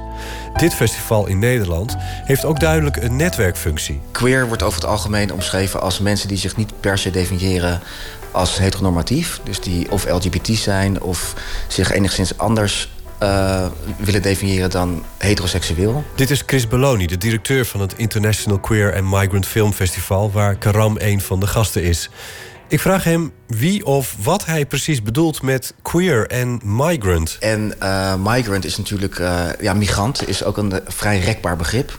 In eerste instantie richten we ons op de traditionele migrantengroepen in Nederland. Dus onze eerste editie in 2015 hadden we films uit Marokko, Turkije, uh, Antillen. Suriname in 2016. Maar we hebben het nu iets breder getrokken, ook in dit jaar. En we gaan ook met thema's aan de slag waar uh, migranten mee te maken kunnen hebben. Dus de openingsfilm bijvoorbeeld. Um, dat is I Dream Another Language. En dat gaat over twee mannen in Mexico... die als enige nog in een dorp in staat zijn om een oude taal te spreken. De oude volkstaal. Dus die taal die sterft uit. En ik denk dat dat iets is wat migranten herkennen. Dat als jij je taal verliest, dat je daarmee ook de wortels en je cultuur verliest. En daarom vinden wij het ook interessant om dit soort films te programmeren. Chris reist de hele wereld over naar collega-queer festivals. Bijvoorbeeld eentje in Pakistan. Ja, ze, ze noemen zichzelf uh, het Arts and Dialogue uh, Filmfestival om het een beetje te verpakken. Um, het kan niet te outspoken, maar ik moet zeggen, uh, de eerste keer dat ik er toe ging was vorig jaar. En uh, ik ging er een beetje heen met het idee van uh, niks kan, het is Pakistan, alles is verboden. En het is allemaal, uh, nou ja, in onze perceptie lastig en heel erg dramatisch als je LGBT bent. Ik kwam daar en er was een hele levendige, vooral transgender community... die de, het festival omarmde, die met grote getalen kwamen naar de, naar de screenings. En het inderdaad, het moest allemaal een beetje off the record... en inderdaad in, uh, in uh, zaaltjes achteraf. Maar het was wel publiekelijk. Als je de verhalen van Chris, Karam en die uit Up on the Shadow hoort... realiseer je dat in Nederland veel is bereikt. Hier wordt zonder problemen een LHBT-filmfestival georganiseerd. Sterker nog, we hebben er zelfs twee. Want we doen bijvoorbeeld een, een uh, uitwisselingsproject... met een organisatie in Berlijn. En dat gaat over queer vluchtelingen... En het verbaast mij iedere keer weer dat als ik zelfs in Duitsland ben... dat het debat over homo en moslim zijn bijvoorbeeld... is nog heel erg in de beginschoenen. Terwijl wij hier al jaren mee bezig zijn. Er worden films gemaakt. Er is een Marokkaanse boot geweest met de Pride. Er is een Turkse boot geweest met Gay Pride. We zijn in Nederland echt wel ver met het bespreekbaar maken van dit soort onderwerpen. Het gaat langzaam nog misschien. In de ogen van sommige mensen te langzaam. Maar we zijn heel erg ver. En ik wil daarom ook met dit festival en met het Academy-programma... wat we doen binnen het festival een platform bieden aan mensen en kennis uitwisselen... zodat ze het meenemen naar hun eigen thuisland.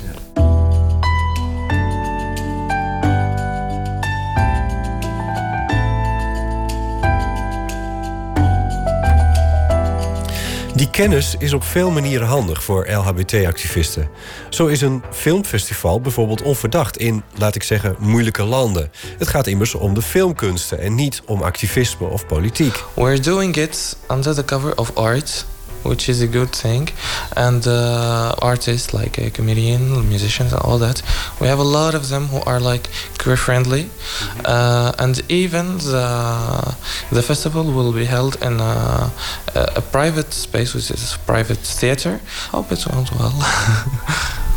well, that sounds smart. You've used all the tricks there are. Of course. Er kan meer, omdat het een kunstfestival is, zegt Karam... die volgende maand in Tunis dus ook zo'n festival organiseert. Chris vindt film ook bij uitstek iets om mensen tot denken aan te zetten. Als mensen zien iets op, uh, uh, op het scherm, een film... Uh, ze kunnen zich identificeren met een hoofdpersoon... En daarmee kan een gesprek tot gang worden gebracht. Kijk, als je iets in de krant leest, kan het ook waarde hebben. Alleen, dat glijdt denk ik eerder van je af. Als je op beeld ziet. Er is een filmmaker bij die ook nog zijn persoonlijke verhaal misschien erbij vertelt. Of zijn motivatie waarom hij die, die film wilde maken. Ik denk dat dat meer indruk maakt. Kunst dus. Maar dat maakt bezig zijn met een LHBT filmfestival nog niet ongevaarlijk. For example, when I came here, it's impossible for me to have an invitation from uh, the festival mentioning that it's about queer and about LGBTQI like uh, movies and all that. Karam kon niet zomaar voor dit Nederlandse festival worden uitgenodigd. So could this interview get you into trouble? Yeah, maybe. And we've done. I've done like um, interviews and last years I do it like with uh, a surname like uh, not my real name but uh, now I'll do it with my real name because it's time I guess to be more direct to, to be less hesitating about uh, this thing yeah. Zelfs dit interview zou hem in gevaar kunnen brengen. Feitelijk moet hij voortdurend op zijn hoede zijn. Karam, net als andere LHBT'ers en geestverwanten in Tunesië, ervaren constante psychologische druk.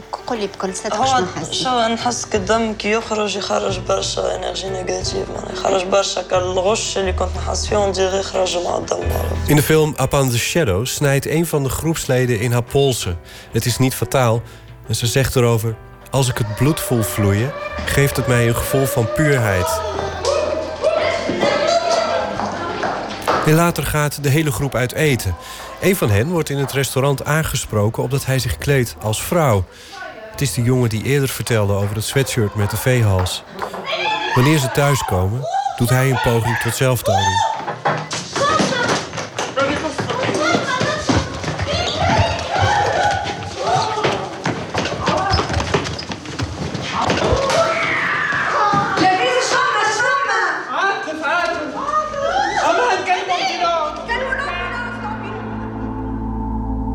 Hij overleeft het, maar raakt wel in het ziekenhuis.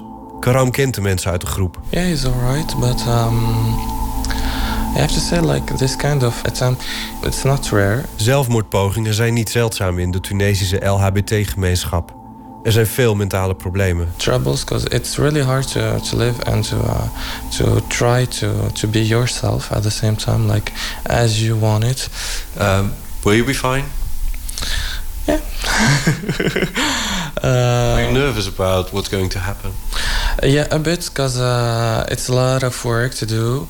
Uh, a Yes, lot. I'm not talking about the amount of work. I'm talking about whether or not you'll get into trouble. Yeah, maybe, but um, let's not think about it. Like we'll do all that we could, like to to make sure that everything's gonna be all right for the security, and uh, we'll hope for the best. Let's let's let's let's lessen like the stress and uh, let's lessen that. Yeah. Een bijdrage van Botte Jellema. En de films die zijn eh, te zien in eh, Nederland ook. In eh, de Bali in Amsterdam. Ook in filmhuizen in Den Haag, Rotterdam, Haarlem en Utrecht. En Karam die is ook nog te bewonderen aanstaande zaterdagmiddag bij een debat in de Bali over eh, het thema Queer Festivals Under Attack. En dit is eh, Ari Lee en dat is een eh, zanger uit Paso, Texas. En het nummer heet Vibes.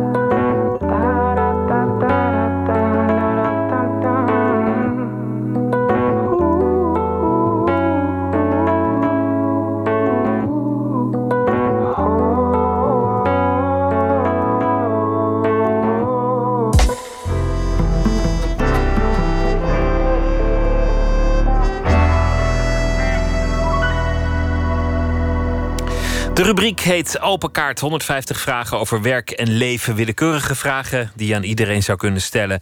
Te gast is eh, vertaler, Balkanspecialist en prijswinnaar van de vertaalprijs van het Letterenfonds Roel Schuit. Hij eh, vertaalt werken uit zo'n beetje alle Slavische talen. Schreef ook vertaalgeschiedenis door als een van de eerste naar het Nederlands het werk van eh, Nobelprijskandidaat Ismail Kadare te vertalen. Speciaal daarvoor leerde hij zichzelf de Albanese taal aan. Hij vertaalt ook poëzie. Hij geeft ook eh, lezingen over de Balkan. En eh, in oktober verscheen een eh, vertaling van hem van het boek De Vos van Dubravka Ugresic. En deze vrijdag krijgt hij de vertaalprijs van het Letterenfonds uitgereikt in Amsterdam in de Rode Hoed voor zijn oeuvre en zijn werk als vertaler. Roel Schuit, hartelijk welkom. Ja, goedenavond. Hoe is eigenlijk die liefde voor de Slavische talen ooit eh, begonnen bij jou? Het is eigenlijk begonnen met muziek. De muziek was ja, het. want mijn oom had een paar eh grammofoonplaten uit Roemenië en van de Balkan. En je zo'n Servische serie destijds, Song and Sound The World Around. Daar van die kleine 45 toerenplaatjes. Ja, en die, voor, op die muziek viel ik als een baksteen.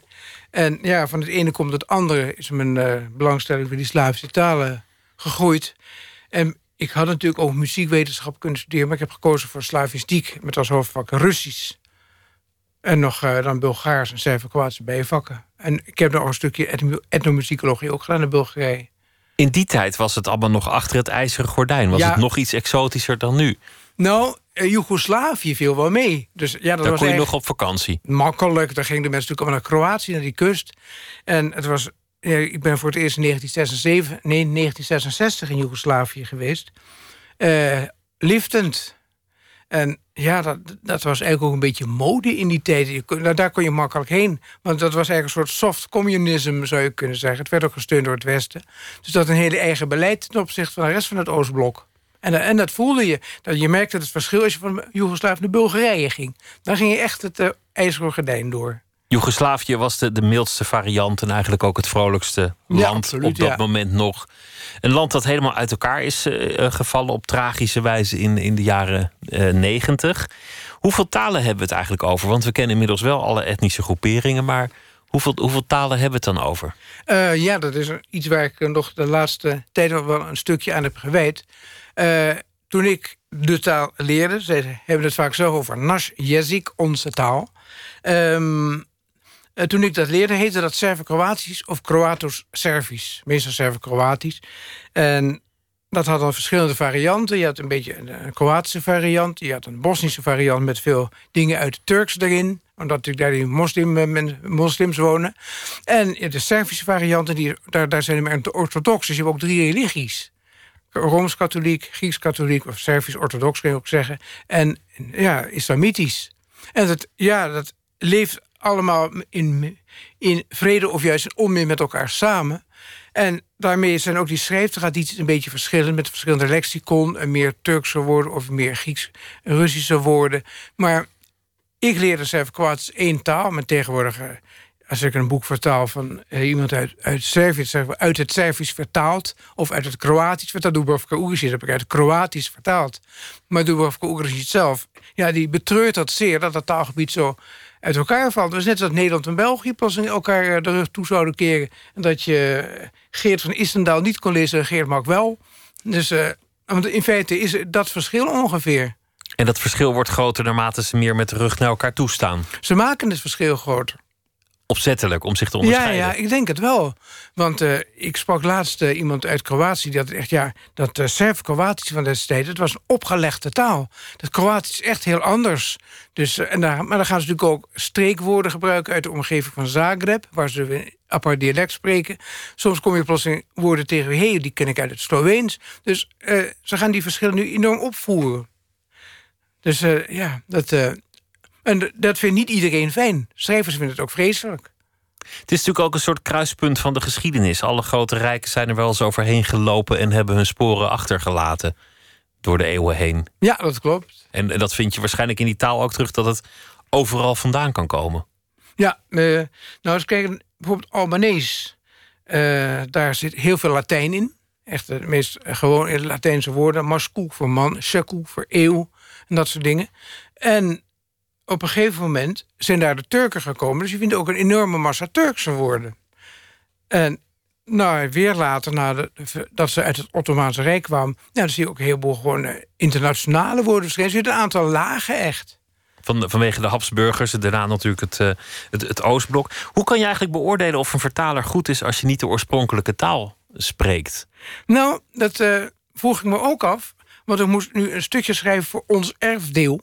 Dat is zo'n eh, een tijdschrift, kreeg vanuit Vlaanderen die opdracht. En daar is een rubriek lo- lof voor de vertaler. En toen hebben we gekozen eh, het boek eh, De vrouw met het rode haar van Orhan Pamuk.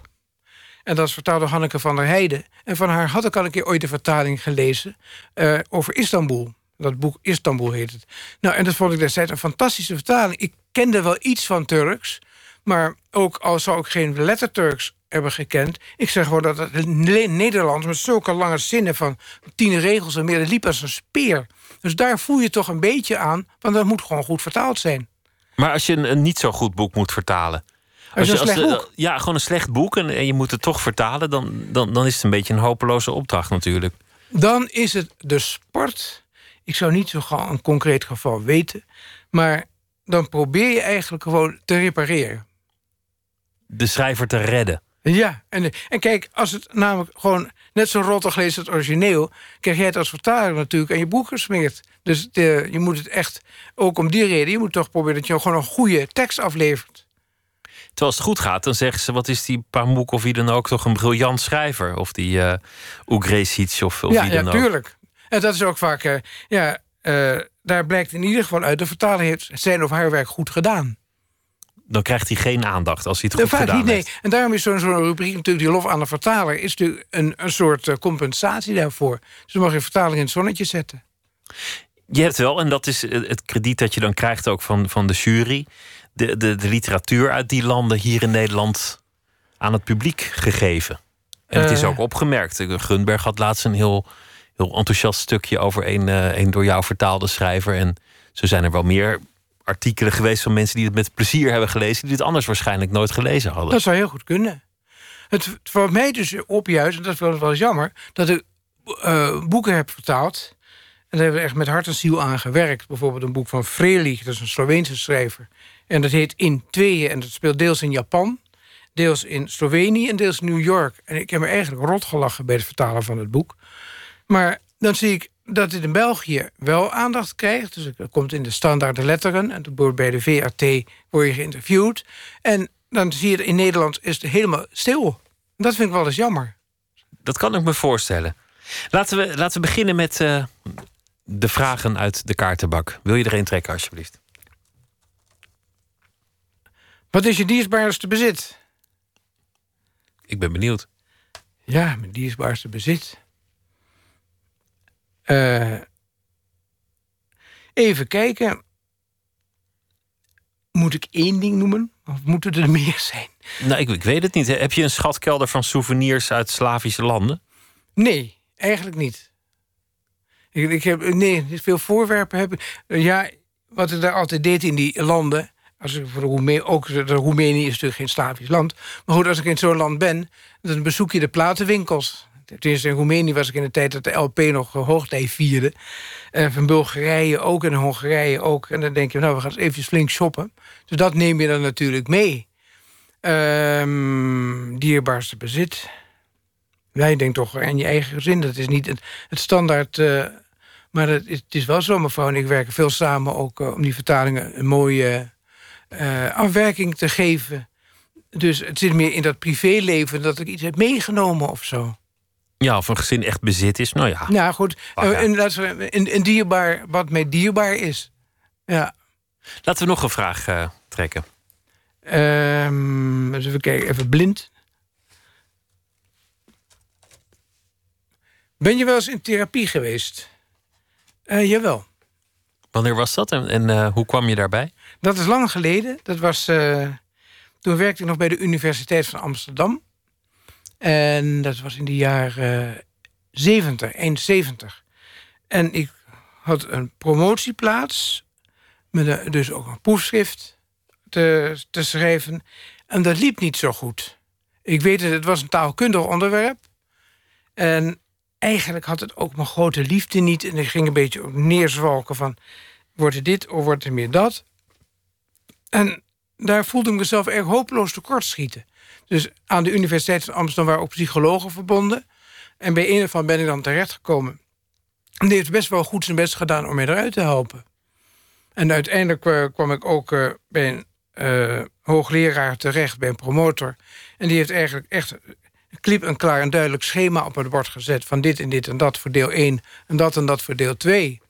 En toen ging het eigenlijk in een paar jaar ging het, ging het goed. Dus eh, is het goed gekomen. Maar dat was inderdaad een hele sombere tijd. Daar kan ik me ook wel iets bij voorstellen. Dat zo'n proefschrift, dat is natuurlijk een hele lange periode. Je moet het helemaal zelf doen. Niemand, niemand roept je, niemand belt je om het te gaan doen. En als het dan niet loopt, ja, dan, dan kan je persoonlijk ook helemaal in, in de knoop geraken natuurlijk. Ja, en die promotieplaats die ik had, daar waren wel meerdere kandidaten voor. En ik was daarvoor uitgekozen. Dus je hebt ook het idee van, ja, ik heb toch een bepaalde verantwoordelijkheid. Ik moet het waarmaken.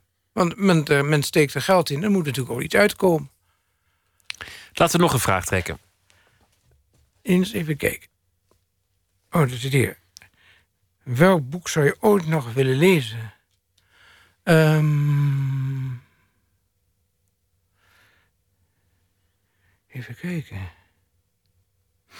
Misschien, ik heb van die Orhan Pamuk eigenlijk dus maar twee boeken gelezen. Ik heb nog gelezen toen Istanbul en nu eh, De vrouw met het rode haar. Maar dat is natuurlijk een heel oeuvre. Daar zou ik nog wel eens een paar van willen lezen. Kijken hoe, hoe die zijn. Dus ja, ik denk dat bijvoorbeeld. Nou, er is nog tijd. Dat kan Ja. nog. Ja. Is, ook, eh, is ook goed vertaald, hoor ik net. Ja, absoluut, ja. Laat, laten we nog een vraag eh, trekken. Oh, zit nu anders voor. Hoe ver reiken je ambities? Ehm, nou, ik moet zeggen, met dat vertalen eh, denk ik wel dat ik nu ongeveer ben waar ik zijn wil. Dat, dat is toch wel het idee van een keer een, een goede prijs te winnen. En ook ja, dat de mensen er eens een beetje kennis van nemen. Maar dat duurt best lang. Maar het is nu gezien. Dat is eigenlijk Ja. het be- belang van dit moment. Het is niet Ja. onopgemerkt gebleven. Nee, precies. Ik denk ook dat daar het Fonds voor de Letteren ook, nu moet je zeggen het Letterenfonds, ehm, een belangrijke rol in speelt. Want die hebben natuurlijk al met subsidieaanvragen gezien vanaf nou, begin jaren 80. En ja, die hebben ook een soort beeld van wat er allemaal passeert. Dus ik denk dat het ook een rol speelt. Maar het is een vrij onzichtbaar beroep, de vertaler. Tegelijk is die, is die cruciaal, want je kunt tussen de lezer en, en de schrijver in, in gaan staan als je, het, als je het niet goed doet. Ja. Maar het is natuurlijk wel fijn ergens aan het eind van zo'n hardwerkende loopbaan, of halverwege zo'n hardwerkende loopbaan, dat, dat moet nog blijken allemaal natuurlijk, dat iemand zegt: We hebben het gezien en we hebben het gewaardeerd. Ja. Dus dat, dat is toch een mooi moment. Ja, en wat natuurlijk aan het vertalen wel een. eh, Er wordt inderdaad veel geklaagd over de anonimiteit. Maar ik heb ook wel eens bedacht... het moet voor recensent natuurlijk ook een, een grafklus zijn...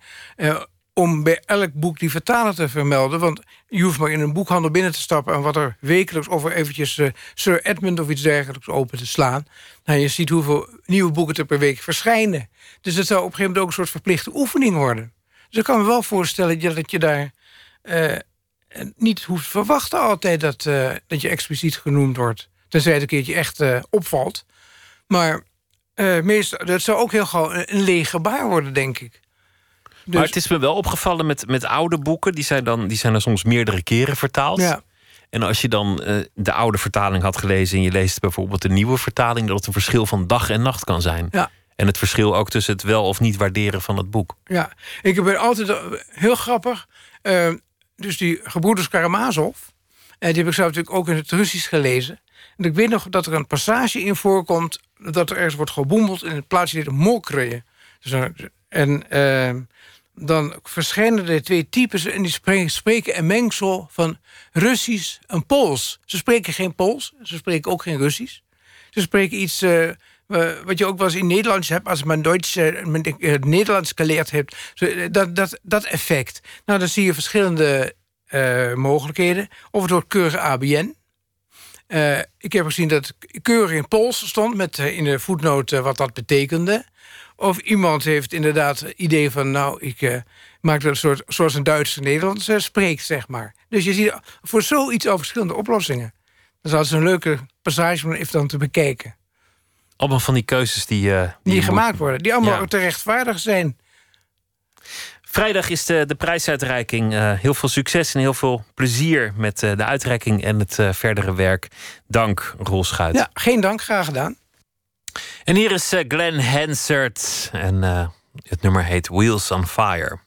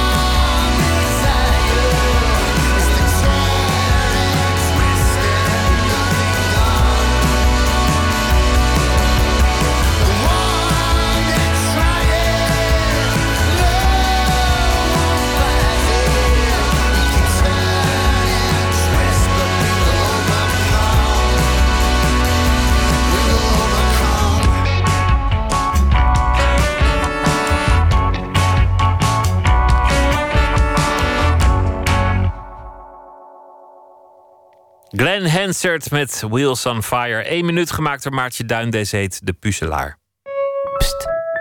Eén minuut. Nou, het is begonnen met kinderspel. Daarna heb ik de postcode bingo gespeeld. Toen won ik, dat was nog in guldens, 15.000 gulden.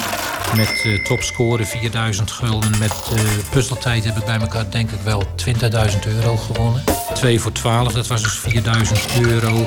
Met Boggle hadden we iets van 1.500 euro. Allround reis naar China. En eh, cijfers en letters, ja, iets van 1000 euro. Bij puzzeltijd was ik zelfs zo gehaaid om alle afleveringen die geweest waren... om daar de piramides van te noteren. Want wat bleek, bepaalde piramides kwamen terug. En die kwamen in dezelfde volgorde terug. Ik heb heel vaak gehad dat ik wist welke piramide er kwam. Ik wist het al toen ik toen het eerste woord van drie letters zag. Heb ik bewust gewacht tot de minuut bijna om was... en toen zei ik het pas, om de spanning op te bouwen. Heel doortrapt. Maar ja, ik vind het niet belazeren. Het is gewoon gebruik maken van. Je bent puzzelaar of je bent het niet.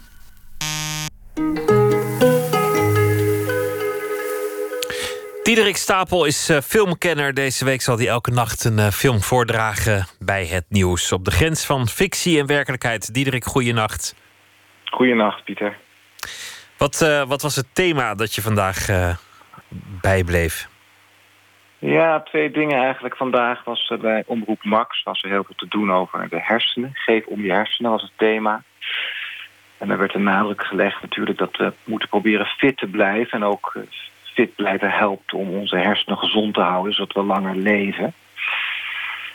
En gisteren was bij Jinek eh, Erik Scherder, professor, die eh, ja, daar ons over vertelde. Alle, alle tips, alle dingen die we kunnen doen om fit te blijven. De bewegingsprofessor. Ja, ja, ja, we moeten veel bewegen en je moet veel eh, hoge doelen stellen. En dan word je heel oud. Hoe, wat moeten we En, veel, eh, hè? Wat moet, ja, we moeten zoveel. En als je dat dus kennelijk niet doet en eerder doodgaat... dan ben je ook een beetje schuldig. En vandaag ging het ook over... in de Volkskrant stond een heel mooi stuk over de nieuwe horrorfilms. Dat die eh, tegenwoordig, ja, noemen ze een beetje post-horror. Het is niet alleen maar spatterend, spetterend bloed en ellende... maar ja, wel horror, maar dan wat subtieler en wat intellectueler. En eh, een van die horrorfilms heet Happy Death Day. Dat is niet echt post-horror, maar wel gewoon eigenlijk een soort eh, ja, banale adolescenten college horror met veel bloed en meisjes die rondrennen en heel erg schreeuwen. En die gaat juist over hoe erg het is als je heel lang leest. Want het gaat dus een beetje een kruising tussen eh, Scream en eh, Groundhog Day. De film waarin elke dag maar je dezelfde dag moet leven. En die, eh, die film die ik gezien heb, Happy Death Day, die gaat over een meisje en die, die viert haar verjaardag. En aan het einde van die verjaardag wordt ze op een brute wijze vermoord. Maar dan wordt ze de volgende morgen weer wakker en ze weer jarig. En dan wordt ze aan het einde weer vermoord. Dus dan is gewoon de hele, hè, je laatste, je leven leiden, le- je leven leiden alsof het je laatste dag is, is dan echt verschrikkelijk. Nou, die film gaat erover, is heel grappig, dat ze eigenlijk niet uitvinden wie daar de moordenaar is. En als ze dat voor elkaar krijgt, dan kan ze weer doorleven. Lijkt op, eh, lijkt op Groundhog Day, maar dan in een wat engere setting. Ja, het is vooral heel, ja, het is wel met bloed en zo, maar het is vooral ook heel erg grappig en, en satirisch en met een knipoog. Maar dat deed mij een beetje denken, ja, weet je, dat, dat, dan is het dus heel vervelend als je heel lang leeft. Hè? En we willen heel graag 120, 130 jaar oud worden. Dat schijnt ook te kunnen als we maar heel goed ons best doen en heel veel bewegen en luisteren naar alle breingoeroes. En deze film laat eigenlijk zien hoe verschrikkelijk dat kan zijn als letterlijk hè, je je laatste dag steeds moet leven, namelijk de dag dat je doodgaat. Kortom, liever een leuk leven dan een lang leven. Ja, of het moet een lang leuk leven zijn. Ja. En ik, Nou. denk, ik denk dat een leuk leven per definitie niet, niet heel lang is. Weet je, wordt toch een beetje saai. Kan ik me iets bij voorstellen. Ik ben benieuwd naar je verhaal. Ga je gang. Ja. Vanavond besteedde Omroep Max zendtijd aan ons brein. In het programma Geef om je hersenen ging het onder andere over manieren om hersenfit te blijven. Erik Scherder, de immer vrolijke oppergoeroe van de Nederlandse Wij zijn ons breinbeweging, vertelde gisteren bij Eva Jinek waarom een fit brein van levensbelang is. We moeten bewegen, instrueerde Scherder ons. We moeten actief blijven. We moeten onszelf uitdagingen stellen. En we moeten vooral positief blijven. Bewegen, energie, vorm over inhoud. Anders ga je dood. Ik werd er doodmoe van. Wat een somber vooruitzicht. En wat gemeen. Ik voelde me meteen schuldig. Ik heb vandaag nogal depressief op de bank gelegen en films gekeken. Als ik straks doodga, is dat omdat ik te weinig met de toekomst bezig ben geweest. En als ik straks doodga, is dat volgens Scherder in ieder geval te vroeg. Sorry, maar ik wil geen honderd worden. Ik wil niet constant positief zijn en eindeloos hogere doelen stellen. Het is goed zo. Ik wil rust, stilte. Ik heb geen bucketlist. De bucketlist is een vermoeiende film. Nee, elke dag leven alsof het de laatste is, dat hoeft voor mij niet. Dan hebben de makers van de film Happy Death Day het beter begrepen. Happy Death Day is een kruising tussen Groundhog Day en Scream. Intelligente satire maal feestende studenten die gillend worden vermoord. Happy Death Day is een satirische horrorfilm die het advies dat je elke dag moet leven alsof het je laatste is, lekker letterlijk neemt. Hoe is het eigenlijk om steeds weer de dag van je dood te moeten herbeleven? In Happy Death Day wordt studente Theresa op haar verjaardag vermoord. Vervolgens moet ze deze laatste dag van haar leven steeds weer herbeleven, totdat ze erachter is wie de dader is. Dat duurt 90 minuten en een behoorlijke hoeveelheid lijken en liters bloed. Uiteindelijk komt het allemaal goed. Theresa wordt verliefd op die lieve jongen die ze nooit zag staan, maar die eigenlijk de enige is die haar serieus neemt.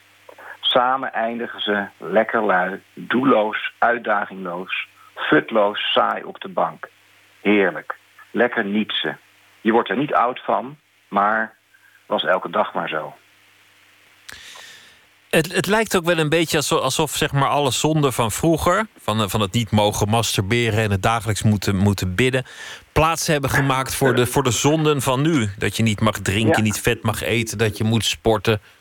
Al die dingen. Ja, ja, het is hetzelfde soort beperking of, of straitjacket waarin we worden gevormd. Er is iets nieuws bedacht om, eh Om te deugen. beperken. Omdat we zo ontzettend bang zijn voor die vrijheid van, van het niets en van het, ja, het zelfbevredigend onaneren door het leven gaan. Mag niet meer, dat is verboden. Ja, en ik las gisteren in de krant, er stond dan een tip. En daar hadden ze ook allemaal, allemaal adviezen bij. Om dan met de feestdagen thee bij het feestmaal te drinken. In plaats van wijn. Oh ja, heb ik ook gelezen. Ja, alcoholvrij. Hoe, hoe je een deel alcohol kan vermijden. Ja, Ja, dat is ook niet Dan is, gezond dan is het helemaal Ja. verschrikkelijk. Ik bedoel, die kerst is al verschrikkelijk. En dan mag je er ook al niet bij suipen. Godsamme. Ja.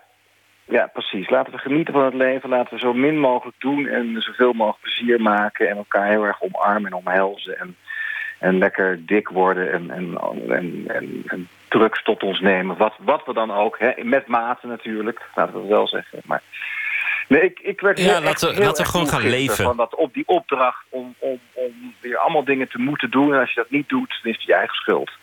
Ja, ik ben het helemaal met je eens. Eerst leven en, en dan lang leven. Diederik, dankjewel. Goeienacht en eh, tot morgen. Tot morgen. Magnus, de band rond eh, Tom Barman en eh C.J. Bolland... die stopt ermee in 2018 nog een afscheidstournee... en dan is het eh, gedaan. En dit is dan een single om het project mee af te sluiten. Look at us now.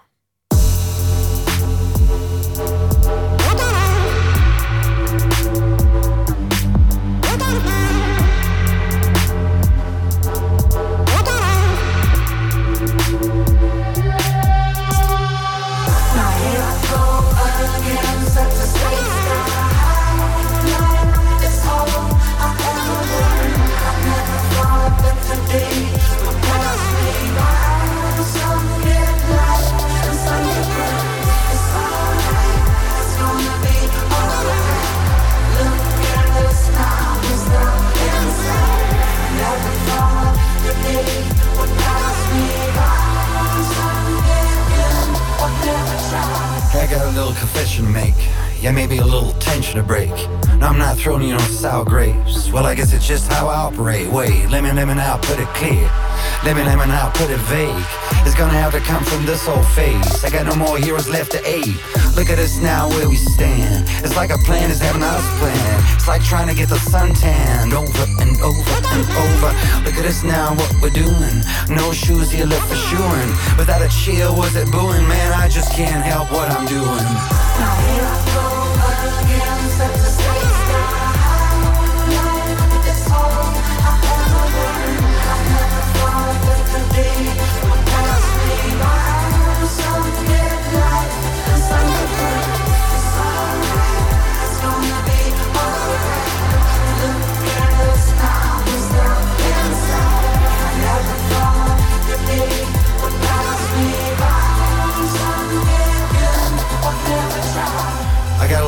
Confession to make. Sometimes I just don't know how to take it all in. How to take it all in. How to take it all in.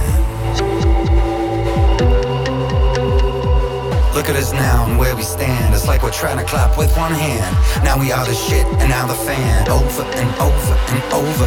Look at us now and where we're going. Like the of the wind is blowing away where there is no knowing. And still it's where I'm going. Look at us now and where we stay. Houses made of papier mache. Beauty's like a jilted bouquet. Over and over and over.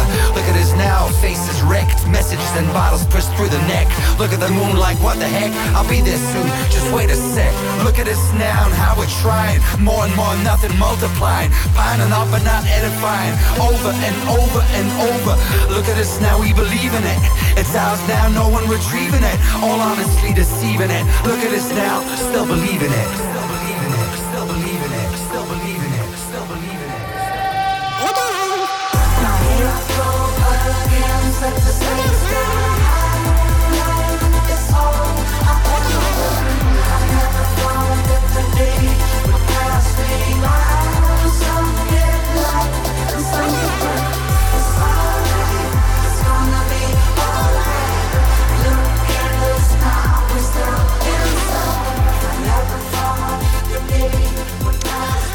De afscheidssingle van het eh, project Magnus van eh, Tom Barman. Look at us now. Bart Moejaert was ooit stadsdichter van Antwerpen. En eh, deze week elke nacht een gedicht van hem. En dit is het gedicht Kies.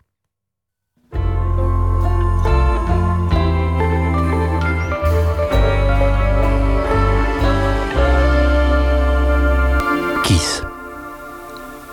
Bestaan kan iedereen. Er zijn vraagt moed. En wat de dichter doet, is pleiten voor het een.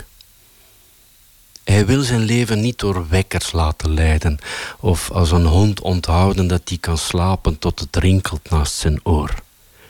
Hij bouwt niet na wat hij soms uit de mond hoort vallen op tram 8, of met een zwarte kwast over een smoel geschreven ziet. Zelf houdt hij niet van vlekken maken, maar als het bot moet, stelt hij dingen scherp zodat het snijdt.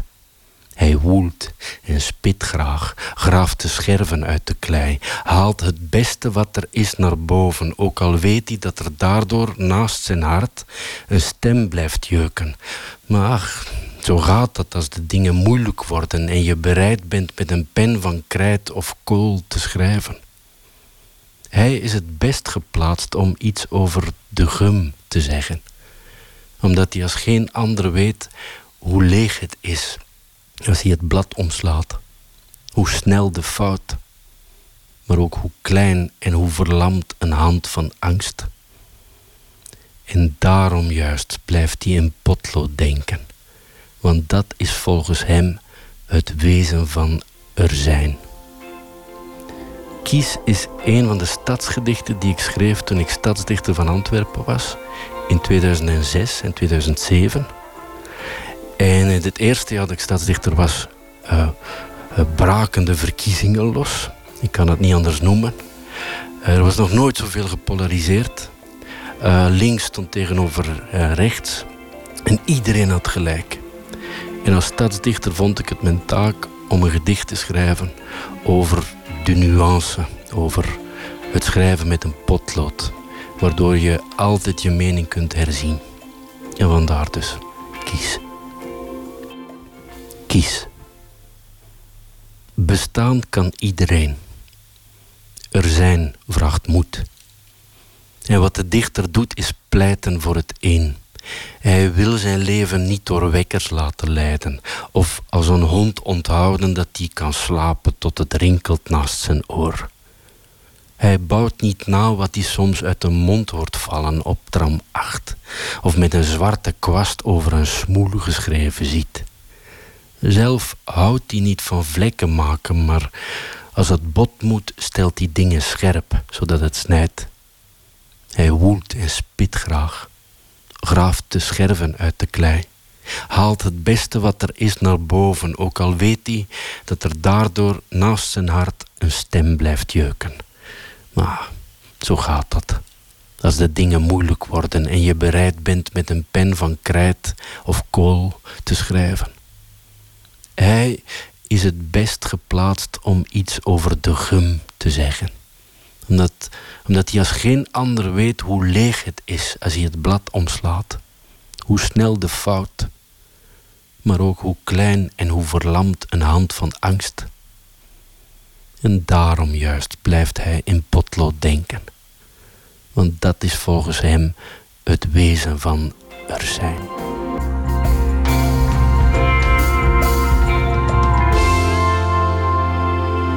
Het gedicht eh, Kies van Bart Moejaert was dat. Morgen in Nooit meer slapen komt Jochem Meijer op bezoek, cabaretier. Hij is uh, zo'n beetje de populairste komiek in Nederland op dit moment. De vraag naar kaartjes voor zijn voorstelling is ongeëvenaard. Mensen staan uren in de rij. Even geduld AUB. En uh, dat was de vorige voorstelling. En deze heet Adem in, Adem uit. Het is alweer zijn zesde.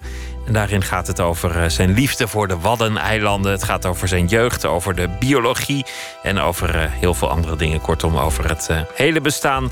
Morgen komt hij hier aan tafel zitten, Jochem Meijer. En dan gaat hij in alle rust vertellen over het bestaan en, en over zijn podiumkunsten.